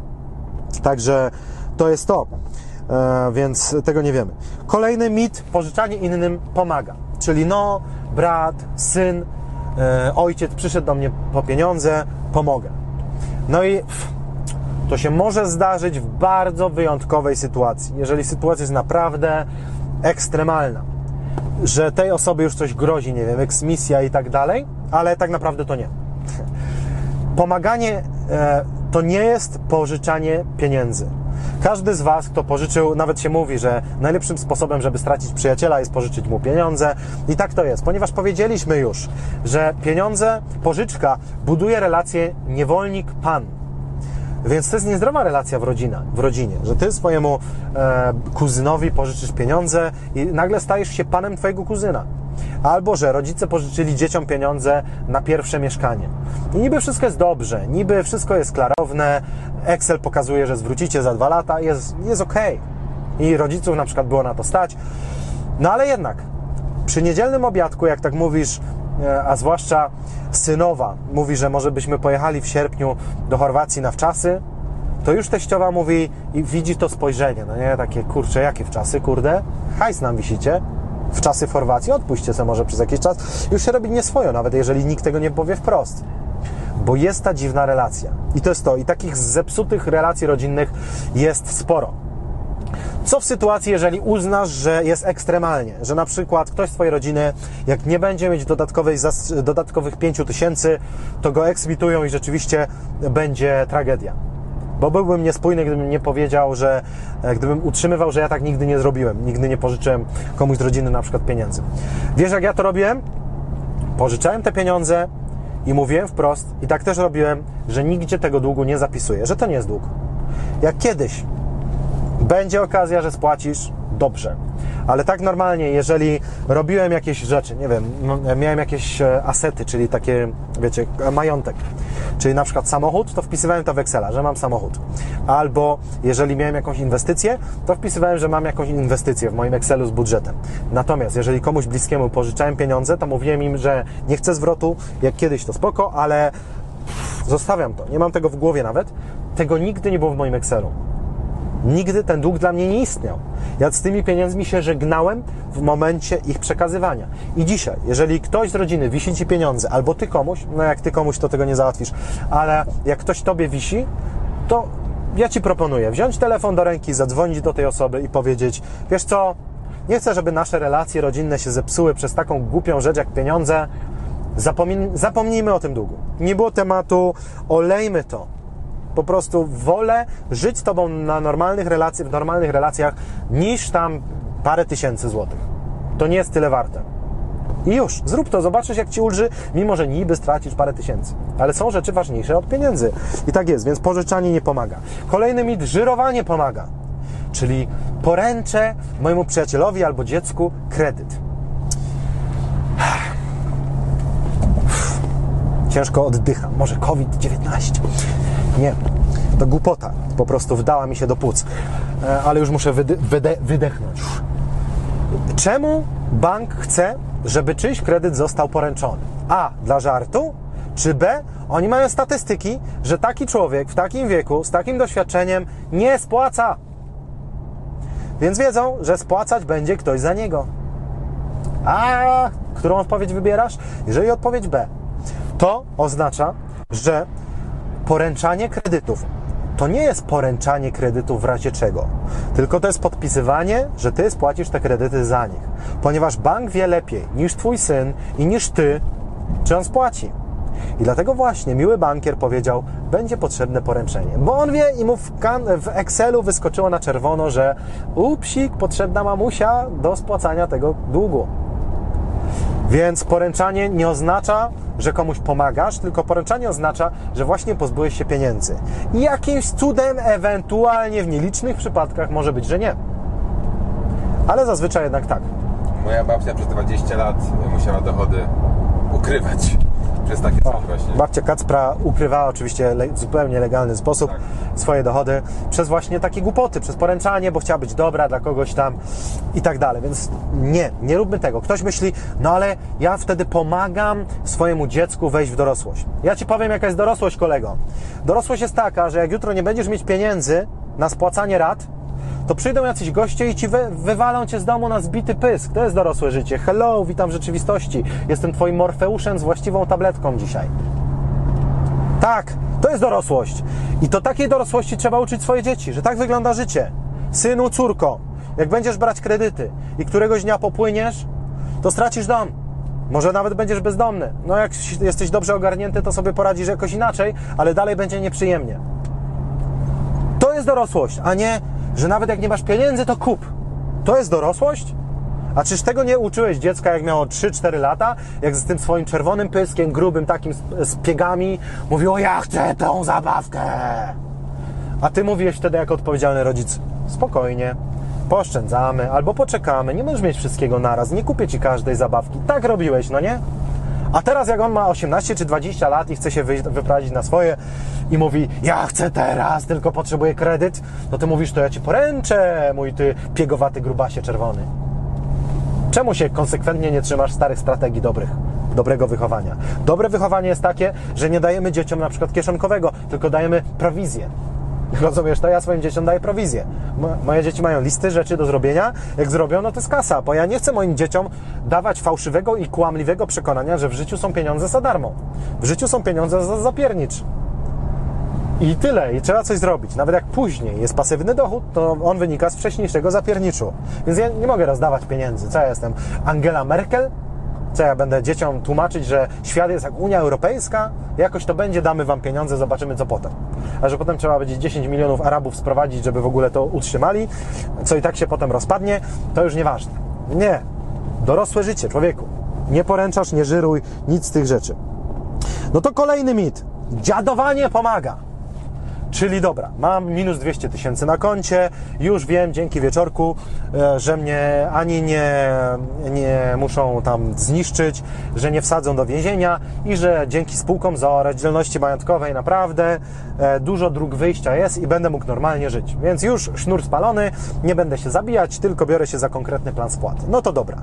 No to może teraz trzeba dziadować, czyli ten słynny czynnik latte i ktoś ma minus 200 tysięcy na koncie. I on mi mówi, że jak ja przestanę pić latte w Starbucksie za 20 zł nawet, to w magiczny sposób te 100 tysięcy się spłaci. Jezus Maria. Ja jako weganin oczywiście trzymam kciuki, żebyś nie pił latte. Ale w Starbucksie jest też latte sojowe. I to całkiem nieźle. Możesz przerzucić się na to. I z bardzo nielicznymi wyjątkami, bo ja poznałem ostatnio case takich ludzi, którzy pracują na budowie i oni codziennie kupują tak drogą kawę i codziennie do tego jeszcze jakieś przekąski, że faktycznie się okazuje, że oni 25% tego, co zarabiają na tej budowie, to wydają na te, na te przekąski. To to jest głupie. To jest prawda. Natomiast w większości przypadków takie małe liczby to jest w ogóle głupota.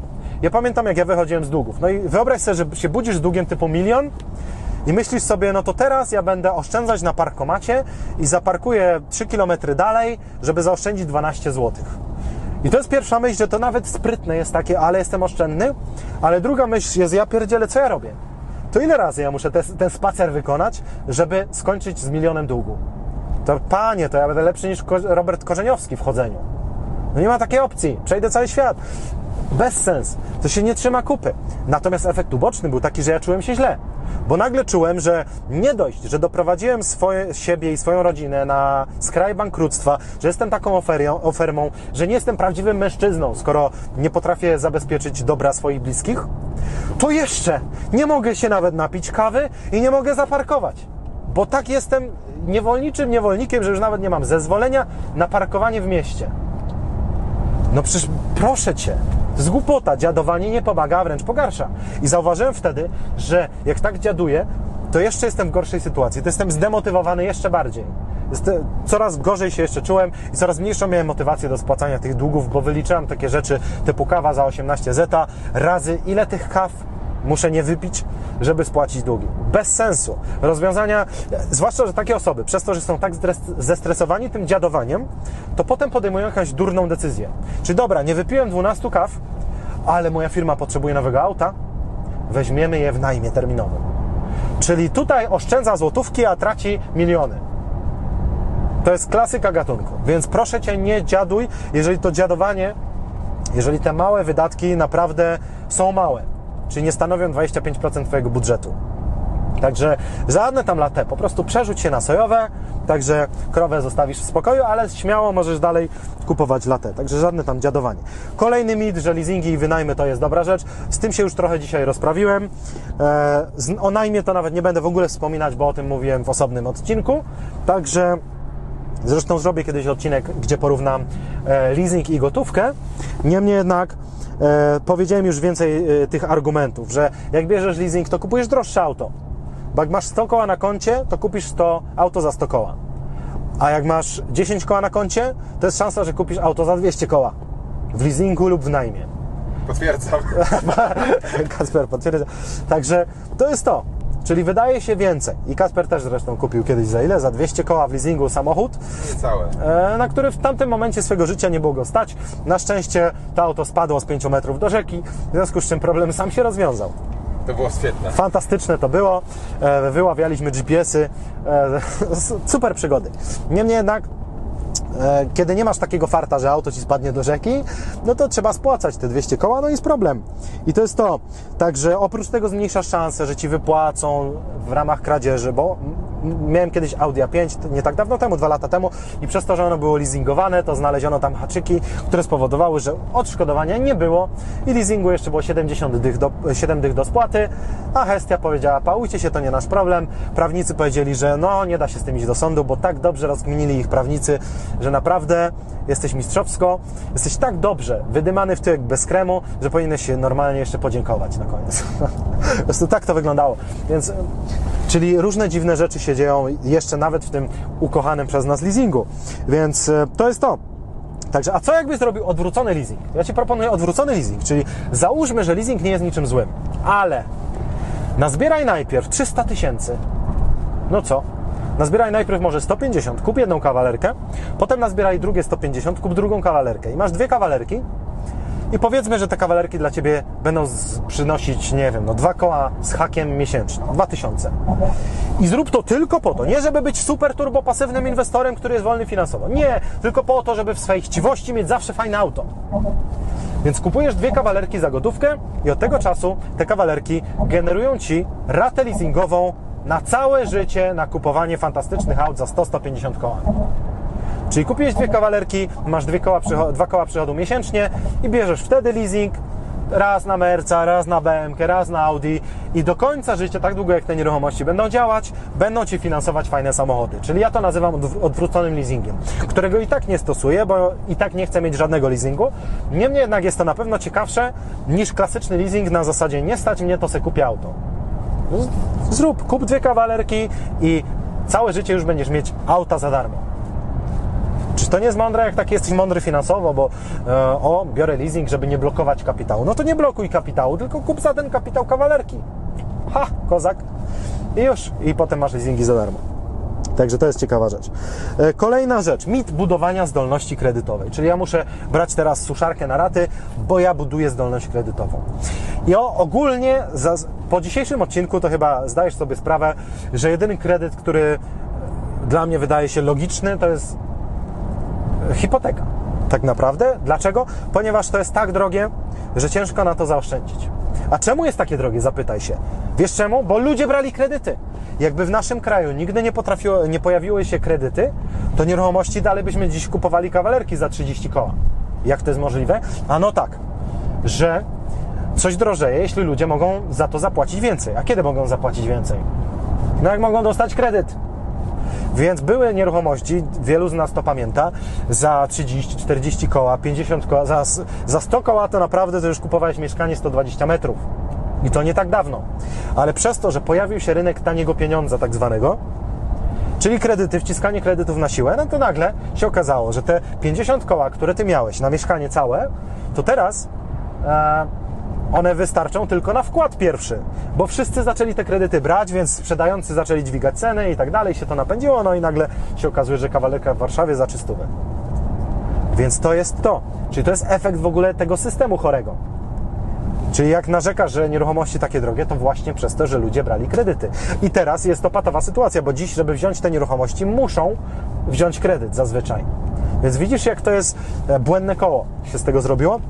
Niemniej jednak tak to działa, więc to jest jedyny kredyt, który ma sens. Ale uwaga, nie mów mi, że ty dziś musisz brać trzy leasingi, dwa kredyty samochodowe i kartę kredytową, bo ty budujesz zdolność kredytową na dom, który kupisz za 3 lata po ślubie. Bo to jest fikcja na resorach. Zdolność kredytową się buduje tak hardkorowo, to się ją buduje rok. A tak zdrowo się ją buduje dwa lata. Dwa lata to wystarczy. Czyli banki chcą od Ciebie zdolność za dwa lata. Sprawdzą Twój dochód za zeszły rok i za rok wstecz zazwyczaj. Chociaż i to nie zawsze. Za zeszły rok na 100% oczywiście, ale za rok wstecz też pewnie. Więc dwa lata to raz. I poza tym, dla nich jest ważne w tej zdolności, czy Ty dobrze zarabiasz przede wszystkim, a po drugie, jakbyś sobie nawet wziął ze trzy razy raty 0% na tą suszarkę i specjalnie nadpłacił nawet, żeby ładnie wyglądało, to tu jest, jesteś wiarygodny. A jak ty budujesz tak zdolność, że wezmę sobie trzy karty kredytowe, limit w rachunku, bo ja buduję zdolność, wiesz, taka wymówka najdurniejsza z durnych, to wiesz, co się stanie? E, może nawet trochę to poprawi Twój bilans, ale w większości przypadków się okaże, że jak wpadniesz po drodze w spiralę, to ta spirala spowoduje, że zniszczysz swoją zdolność i będziesz czekać jeszcze 10 lat na swój dom. ale mi zdolność. Więc jak Ty chcesz budować zdolność kredytową, zrób to na trzy sposoby. Po pierwsze, przez dwa lata zadbaj o dobry dochód. Czyli zarabiaj kasę. To jest podstawa zdolności kredytowej. Wyobrażasz to sobie, że przychodzisz do banku i mówisz, dzień dobry, widzicie tu, że przez ostatnie dwa lata zarabiam 100 koła miesięcznie, ale w życiu nie miałem kredytu. Dacie mi kredyt na dom na, z ratą 3000? A bankier mówi, nie, nie, panie, jak ty nie miałeś kredytu, to ty jesteś niezdolny. No absurd. Więc po pierwsze zarabiaj hajs. Po drugie, jeżeli już chcesz coś tam zbudować, zdolność, no to rób to na zasadzie, dobra, wezmę tą suszarkę za 3 koła w kredycie 0%, a te 3 koła po dwóch miesiącach to nadpłacę. I bank, czyli mam 3 koła na koncie i wtedy kupuję suszarkę i za miesiąc albo dwa nadpłacam i banki jeszcze widzą i te wszystkie rejestry, że ten gość nadpłaca kredyty, czyli jest wiarygodny. I punkt trzeci, potnij karty kredytowe, to zobaczysz, że e, nie wpadniesz tam w spiralę. Czyli nie da się wypłacać, a da się spłacać. W ten sposób zagwarantujesz sobie, że nie zepsujesz sobie zdolności kredytowej. Także to jest to. Czyli budowanie zdolności kredytowej, kolejna fikcja. No więc właśnie, no to karta kredytowa. E, Maćku, bo karty kredytowe są potrzebne do rezerwacji noclegów, hoteli i tak dalej. To jest bzdura. Od wielu lat tak nie jest. W Europie nie ma chyba już miejsca, gdzie nie, nie zarezerwujesz czegoś z pomocą zwykłej karty debetowej. Natomiast w Stanach bardzo niewiele takich miejsc już zostało i zazwyczaj są to wypożyczalnie samochodów, ale też ultra nieliczne. Na zasadzie, że jedziesz do Arkansas i patrzysz, jest 7 wypożyczalni samochodów, no to dwie ci powiedzą, że musisz zapłacić kartą kredytową. No ojej, przykro mi, no to w takim razie ja osobiście skorzystam z jednej z pięciu pozostałych. To jest bójda na resorach, że bez karty kredytowej. Ja nie mam kart kredytowych od wielu, wielu lat i radzę sobie świetnie, a jeżeli przyjdzie kiedykolwiek taki dzień, że akurat będę musieć pojechać w to miejsce w Arizonie, gdzie e, bez karty kredytowej nie przyjmują, nie dadzą mi auta i tak dalej, no to wierz mi, przy poziomie inteligencji finansowej Polaków nie zabraknie mi znajomych, którzy mi pozwolą zarezerwować e, auto swoją kartą. I tyle, nie? Pożyczysz? Dam Okej. Okay. Także karta kredytowa. Ja podkreślam, że ja na karcie mam więcej kasy niż limit, także żeby nie było. Tak, Kacper ma kartę kredytową, ale ma tam więcej pieniędzy. E, no ale dobra, jak już jesteśmy przy kartach, to jedna rzecz. Karta, niektórzy mówią, to jest najlepsze. Po prostu karta kredytowa to jest e, sprytne, bo tam do 54 dni jest bez odsetek, no to ja na tym zarabiam. Ja pierdzielę. Co trzeba mieć w finansowej głowie? Jak małymi liczbami trzeba w ogóle żyć i myśleć, żeby celować w takie zarobki nawet? Co tu się dzieje? Że ale dobrze, sprawdźmy to. Załóżmy, że to nie jest skrajnie głupie. tak na moment tylko. No to dobra. Po pierwsze zakłada, że 54 dni nic się z Tobą nie wydarzy. Znowu ta sama historia. A, bo ja od pięciu lat już tak robię i zawsze spłacam na czas i nigdy nie płacę odsetek. Dobrze, ale że to, że coś było 5 lat, oznacza, że kolejne 5 lat też tak będzie? Zawsze będziesz zdrowy, nic się nigdy nie wydarzy? Odważnie. Więc to jest pierwsza rzecz. Druga, czy znasz wszystkie haczyki? Bo ja pamiętam, że kiedyś się zdziwiłem. Jak miało być 54 dni bez odsetek, ja miałem tam 4 karty kredytowe wtedy chyba, czy 3, nie wiem, e, wypłacam, Patrzę za miesiąc na wyciąg, a tam odsetki. I dzwonię do banku i się pytam, no hello, co tu się stało? A pani mówi, jak to? To pan nie wie, że jak pan wypłacasz z bankomatu, to ten okres bezodsetkowy się nie liczy? No nie wiedziałem. Pytanie, ilu rzeczy jeszcze nie wiesz? Haczyki, przypominam, bank to jest instytucja zajmująca się skubaniem. W związku z czym oni są dobrzy w robieniu haczyków, a ty pewnie nie nie jesteś tak dobry w ich rozszyfrowywaniu, ponieważ oni mają bandę prawników, którzy rozkminiają te rzeczy, żeby była taka umowa, żeby nikomu się nie chciało tego czytać. Proste. E, ale nie, ja oszukam bank. No to dobrze, pokażę Ci, co się dzieje u ludzi, którzy też próbowali oszukać bank. 60-80% ludzi nie spłaca swoich 54 dni, 4 dni bezodsetkowych w zależności od miejsca, kraju i tak dalej.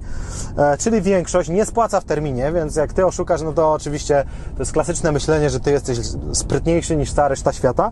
Różnie się to może skończyć. Oprócz tego, uczysz się nieoszczędzania. No nie? Jak płacisz przyszłością, to nie płacisz przeszłością. To jest ta różnica, że jak ja bym kupił dziś telewizor, to zapłacę za niego przeszłością, czyli tą pracą, którą włożyłem wcześniej a ktoś inny kupi dziś telewizor na kartę kredytową, to płaci swoją przyszłością, czyli tą pracą, którą dopiero wykona. Jeżeli to nie jest kolosalna różnica, to już, nie wiem, co jest po prostu. To jest, to jest przecież ogromna różnica. Po co wydawać swoją przyszłość? Absurd. Rozumiesz to, że nawet jeżeli ty dostajesz pieniądze tak zwane z banku, to to są twoje pieniądze. Nigdy nie pożyczamy pieniędzy z banku, pożyczamy pieniądze od siebie z przyszłości. Czyli ty dziś bierzesz na telewizor albo auto, albo coś tam, pieniądze ze swojego przyszłego siebie. Jemu zabierasz, tylko jeszcze mu dodajesz odsetki. I to ma mieć sens niby, bo wszyscy mówią, że ma. E, niewystarczający argument, obawiam się. Także to jest to. Co jeszcze? Niektórzy mówią, albo kredytowa jest bezpieczniejsza, bo lepsze zabezpieczenia, bo Visa tam refunduje i tak dalej. E, wielu ludzi już spytało Wizy i Mastercarda i okazuje się, że obie te karty są identycznie chronione. Obojętnie, czy to jest karta kredytowa z limitem do kredytu, czy to jest e, karta debetowa do Twojego konta, na którym masz milion. Obydwie są tak samo chronione. Co ciekawe, teraz uwaga, mistrzowie kart kredytowych, 69% wszystkich bankructw w Stanach bo do Polski liczb nie dotarłem. Ale myślę, że to będzie podobnie. 69% wszystkich bankructw w Stanach to wynik posiadania kart kredytowych. Rozumiesz to? 7 na 10 bankrutów, jak ustawimy 10 bankrutów, 7 z nich jakby nie miało karty kredytowej, to by tam nie stało. Kumasz to? Więc to jest narzędzie idiotyczne. To, o ile jeszcze tam kredyt hipoteczny można uzasadniać, nawet jak ktoś weźmie kredyt, dźwignie inwestycje na coś, w czym siedzi od 10 lat, więc oszacował ryzyko trochę lepiej. Dobra, to jeszcze możemy dyskutować, napić się herbatki i pogadać. Ale karta kredytowa to już jest dla imbecyla.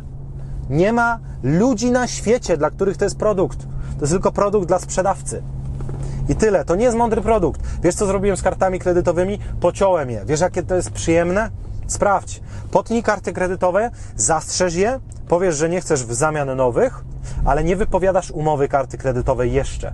Bo jak wypowiesz, to ci każą spłacać na przykład całe te 10 koła od razu. Więc chodzi o to, żebyś tam spłacał co miesiąc te 300 zł na przykład, ale już nie mógł zwiększać kredytu na karcie. Bo płacąc plastikiem, i to jest kolejna rzecz, która jest głupotą kart kredytowych, to z kolei są badania McDonalda. A McDonald's jak robi badania, no to robi je dobrze. Więc McDonald's zbadał, że ludzie, którzy płacą kartą kredytową za jedzenie, gdzie wydawałoby się, no przyjdę do maka, to wiem co chcę, no nie. A jednak nie. Ludzie, którzy płacą kartą kredytową, wydają 47% więcej niż ci, którzy płacą gotówką. Dlaczego? Ponieważ wydawanie pikseli jest dużo łatwiejsze niż wydawanie prawdziwych papierowych pieniędzy, które czujesz w ręce. I tyle, 47%. No to nawet jak jesteś taki kozak, że zawsze masz okres tam bezodsetkowy na tej karcie, nigdy nie zapłacisz odsetek, to i tak płacisz 47% odsetek w głupocie. W tym, że nieświadomie wydajesz więcej, bo wydawanie elektropieniędzy, e, a już zwłaszcza cudzych, to jest super łatwa sprawa. Bo jeszcze swoje elektropieniądze i tak wydaje się łatwiej niż, e, niż gotówkę, ale trudniej niż cudze elektropieniądze. Także to jest to.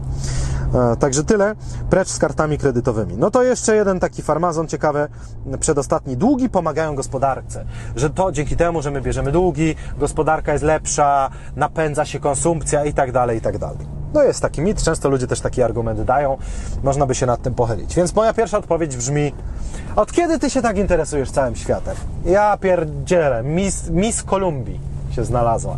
Teraz, o, bo ja dbam o to, żeby całemu światu było dobrze. Weź się zastanów nad swoim ogródkiem, nad tym, żeby tobie było dobrze, żebyś ty nie był bankrutem, a nie, że och, bo jakbyśmy wszyscy przestali się zadłużać, to gospodarka się rozpadnie. Ja ci gwarantuję, że do dwóch lat ona i tak się rozpadnie. Także spokojnie, spokojnie. Więc nie zgrywaj tu Matki Teresy, że ty tak się bardzo nagle starasz. Swoją drogą ciekawe, że mam te same porównania na Matkę Teresę i na Miss Kolumbii. Widzisz, jaki mam gust? No ale nieważne.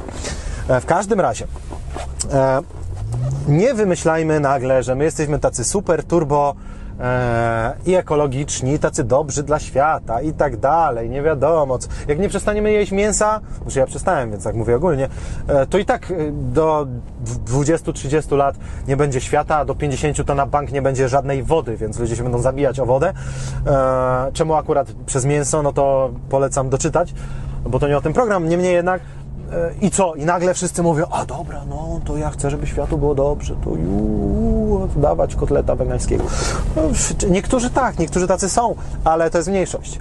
Więc nie dokładajmy tu ideologii, że ty dbasz nagle o ekonomię, bo musisz brać kredyty i kupić rower za kartę kredytową. Więc to może zostawmy w ten sposób. Natomiast e, na krótszą metę to ma sens, że dobra, ludzie się zadłużają, więc wydają pieniądze, których normalnie by jeszcze nie mieli, czyli puszczają to dalej, e, napędza się konsumpcja i tak dalej, i tak dalej. To brzmi logicznie. I banki centralne, które obniżają stopy procentowe, żeby taniej było się zadłużać. To brzmi logicznie. E, gdyby nie pewna rzecz, o której ekonomiści banku zapomnieli, że jeżeli my zaczniemy masowo wydawać te pieniądze, których nie mamy jeszcze, to ceny zaczną drożeć, e, rosnąć niewspółmiernie szybko. I to jest to, co już powiedziałem wcześniej. Nagle kawalerka kosztuje 300 tysięcy zamiast 30. Nagle truskawkę kupujesz za 13 zł, a nie za 3. Jak to się dzieje? Oczywiście inflacja, no to zawsze gdzieś tam jakaś jest, natomiast im większy jest kredyt, tym im większa jest dostępność pieniądza kredytowego, no to skoro więcej ludzi chce kupić mieszkania, to można dźwigać ceny, bo jest mega popyt, no nie? Jakby nie było popytu, no to trzeba by w desperacji sprzedawać tanio. Więc to jest bardzo złudne. Czyli tak naprawdę ta niby recesja związana z tym, jakby dziś wszyscy nagle przestali brać kredyty. Faktycznie dziś by się gospodarce dostało, ale to by trwało tylko chwilę. To by trwało parę miesięcy, może 2-3 lata i nagle by się okazało, że ludzie już mają kasę na kontach, już pooszczędzali przez ten czas i mogą wydawać swoje. A badania e, nad e, w ogóle ekonomią pokazują, że nie ta socjalistyczna ekonomia, e, tak zwanego Keynesa, na zasadzie zakredytować ludzi, niech wydają nie swoje i tak dalej, cisnąć konsumpcję na hama, tylko bardziej tak zwany leseferyzm, czyli że ludzie oszczędzają pieniądze i wtedy czują się pewnie i wtedy kupują więcej, bo mogą, e, to ta, ta teoria jest dużo bardziej sensowna, więc długofalowo świat bez kredytów byłby lepszy. Jest wiele państw, w których się nie udziela kredytów, albo przynajmniej połowa społeczeństwa żyje bez kredytów, bo w państwach arabskich Koran mówi przecież, że nie wolno się w ogóle zadłużać i oni się tego trzymają. Oczywiście nie wszyscy, to wiadomo, bo zachodnie banki też tam weszły i wciskają tą lichwę, ale ogólnie wielu ludzi e, się tego tam trzyma i jakoś żyją. Jak? Nie wiem. Nie wiem, jak oni to żyją. Nie wiem, jak ich gospodarka... Gosp... Czujesz to? Już widzę ten nagłówek. Gospodarka Kataru i Dubaju upadły. E, mm, Zobaczymy. Natomiast śmiem twierdzić, że wcześniej upadnie polska gospodarka. Także na krótszą metę taki kredyt, jasne, a na dłuższą cała gospodarka się przez to psuje. Ponadto jeszcze i tak ten scenariusz recesji przez to, że ludzie się nie zadłużają jest hipotetyczny, bo nie ma takiej opcji, żeby wszyscy w jednym dniu nagle przestali brać kredyty. Nawet gdyby, jakimś cudem, co jest niemożliwe, obejrzy to nagranie powiedzmy, nie wiem, 100 tysięcy ludzi. Nawet gdyby wszyscy z nich zastosowali tę wiedzę i w to uwierzyli, się z tym zgodzili i tak dalej, co mówię, no niemożliwe, ale nawet 100 tysięcy, no to ilu masz jeszcze zadłużonych Polaków? No jakieś 17 milionów? Także tak szybko, spokojnie. My, wszyscy, którzy to oglądają, jak przestaniemy się zadłużać, naprawdę nie rozwalimy polskiej gospodarki, a docelowo jej wręcz pomożemy. Także to jest to. E, no i cóż, Także, a jeszcze jedna rzecz, jak ludzie kupują na kredyt, to jest nawet taki wskaźnik, że zaufania do rynku, wskaźnik strachu. No nie? Czyli do kiedy ten wskaźnik strachu jest? No, kiedy ludzie nie mają pieniędzy, kiedy są zakredytowani, kiedy muszą sprzedawać w nerwach i tak dalej. W świecie gotówki takich tematów się nie porusza. Masz 100 tysięcy, kupujesz auto za 30, ale mam wskaźnik strachu, że mi ukradną. O, nie śpię. No nie no, jak ukradną, no to mam jeszcze 7 dych, no jakoś to przeżyję, no.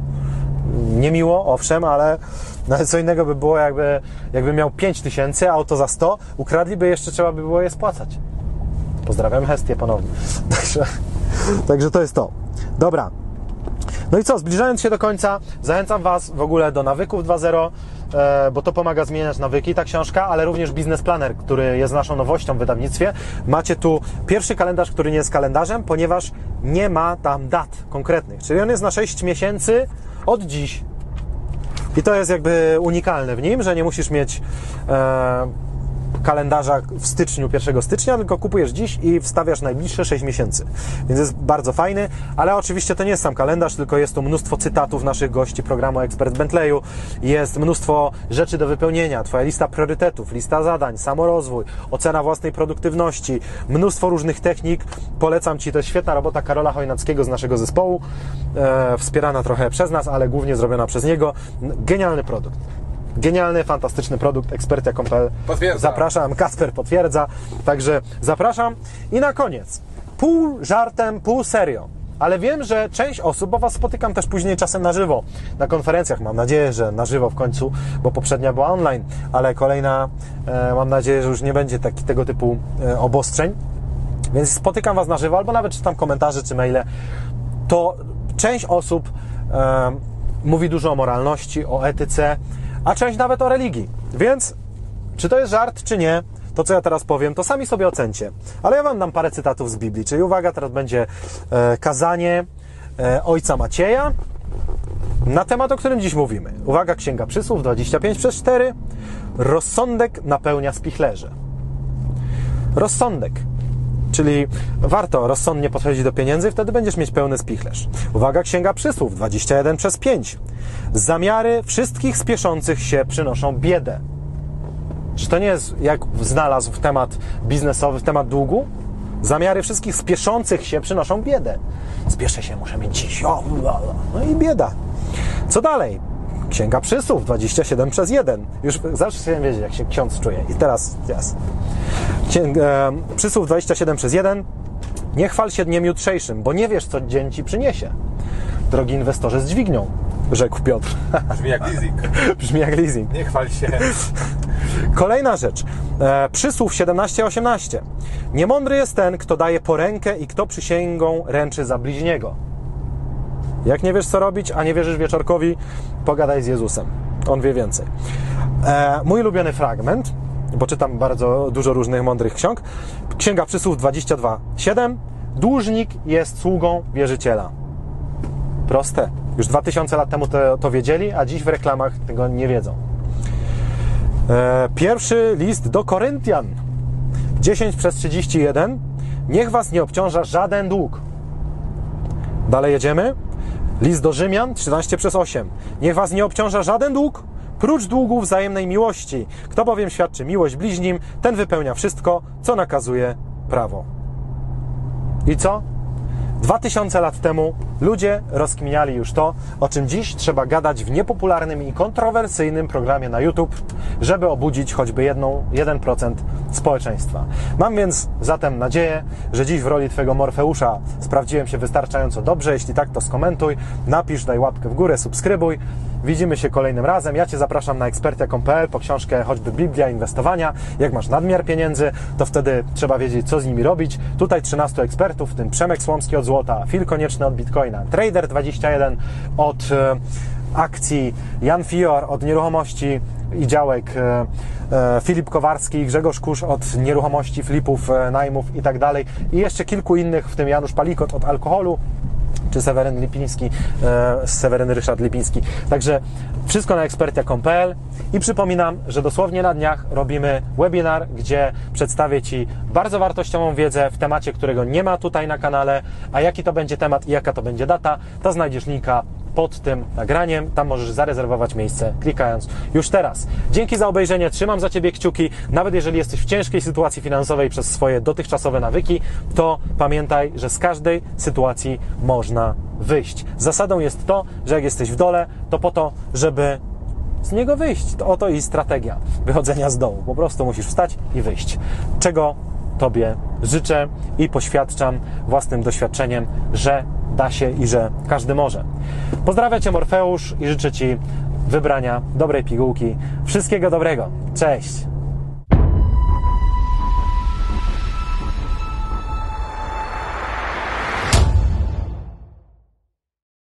As humans, we're naturally driven by the search for better. But when it comes to hiring, the best way to search for a candidate isn't to search at all. Don't search, match with Indeed. When I was looking to hire someone, it was so slow and overwhelming. I wish I had used Indeed. If you need to hire, you need Indeed. Indeed is your matching and hiring platform with over 350 million global monthly visitors, according to Indeed data, and a matching engine that helps you find quality candidates fast. Ditch the busy work. Use Indeed for scheduling, screening, and messaging so you can connect with candidates faster. And Indeed doesn't just help you hire faster. 93% of employers agree Indeed delivers the highest quality matches compared to other job sites. according to a recent Indeed survey. And listeners of this show will get a $75 sponsored job credit to get your jobs more visibility at Indeed.com slash podcast. That's Indeed.com slash podcast. Terms and conditions apply. With Lucky Land slots, you can get lucky just about anywhere. Dearly beloved, we are gathered here today to. Has anyone seen the bride and groom? Sorry, sorry, we're here. We were getting lucky in the limo and we lost track of time. No, Lucky Land Casino, with cash prizes that add up quicker than a guest registry. In that case, I pronounce you lucky. Play for free at LuckyLandSlots.com. Daily bonuses are waiting. No purchase necessary. Void where prohibited by law. 18 plus. Terms and conditions apply. See website for details.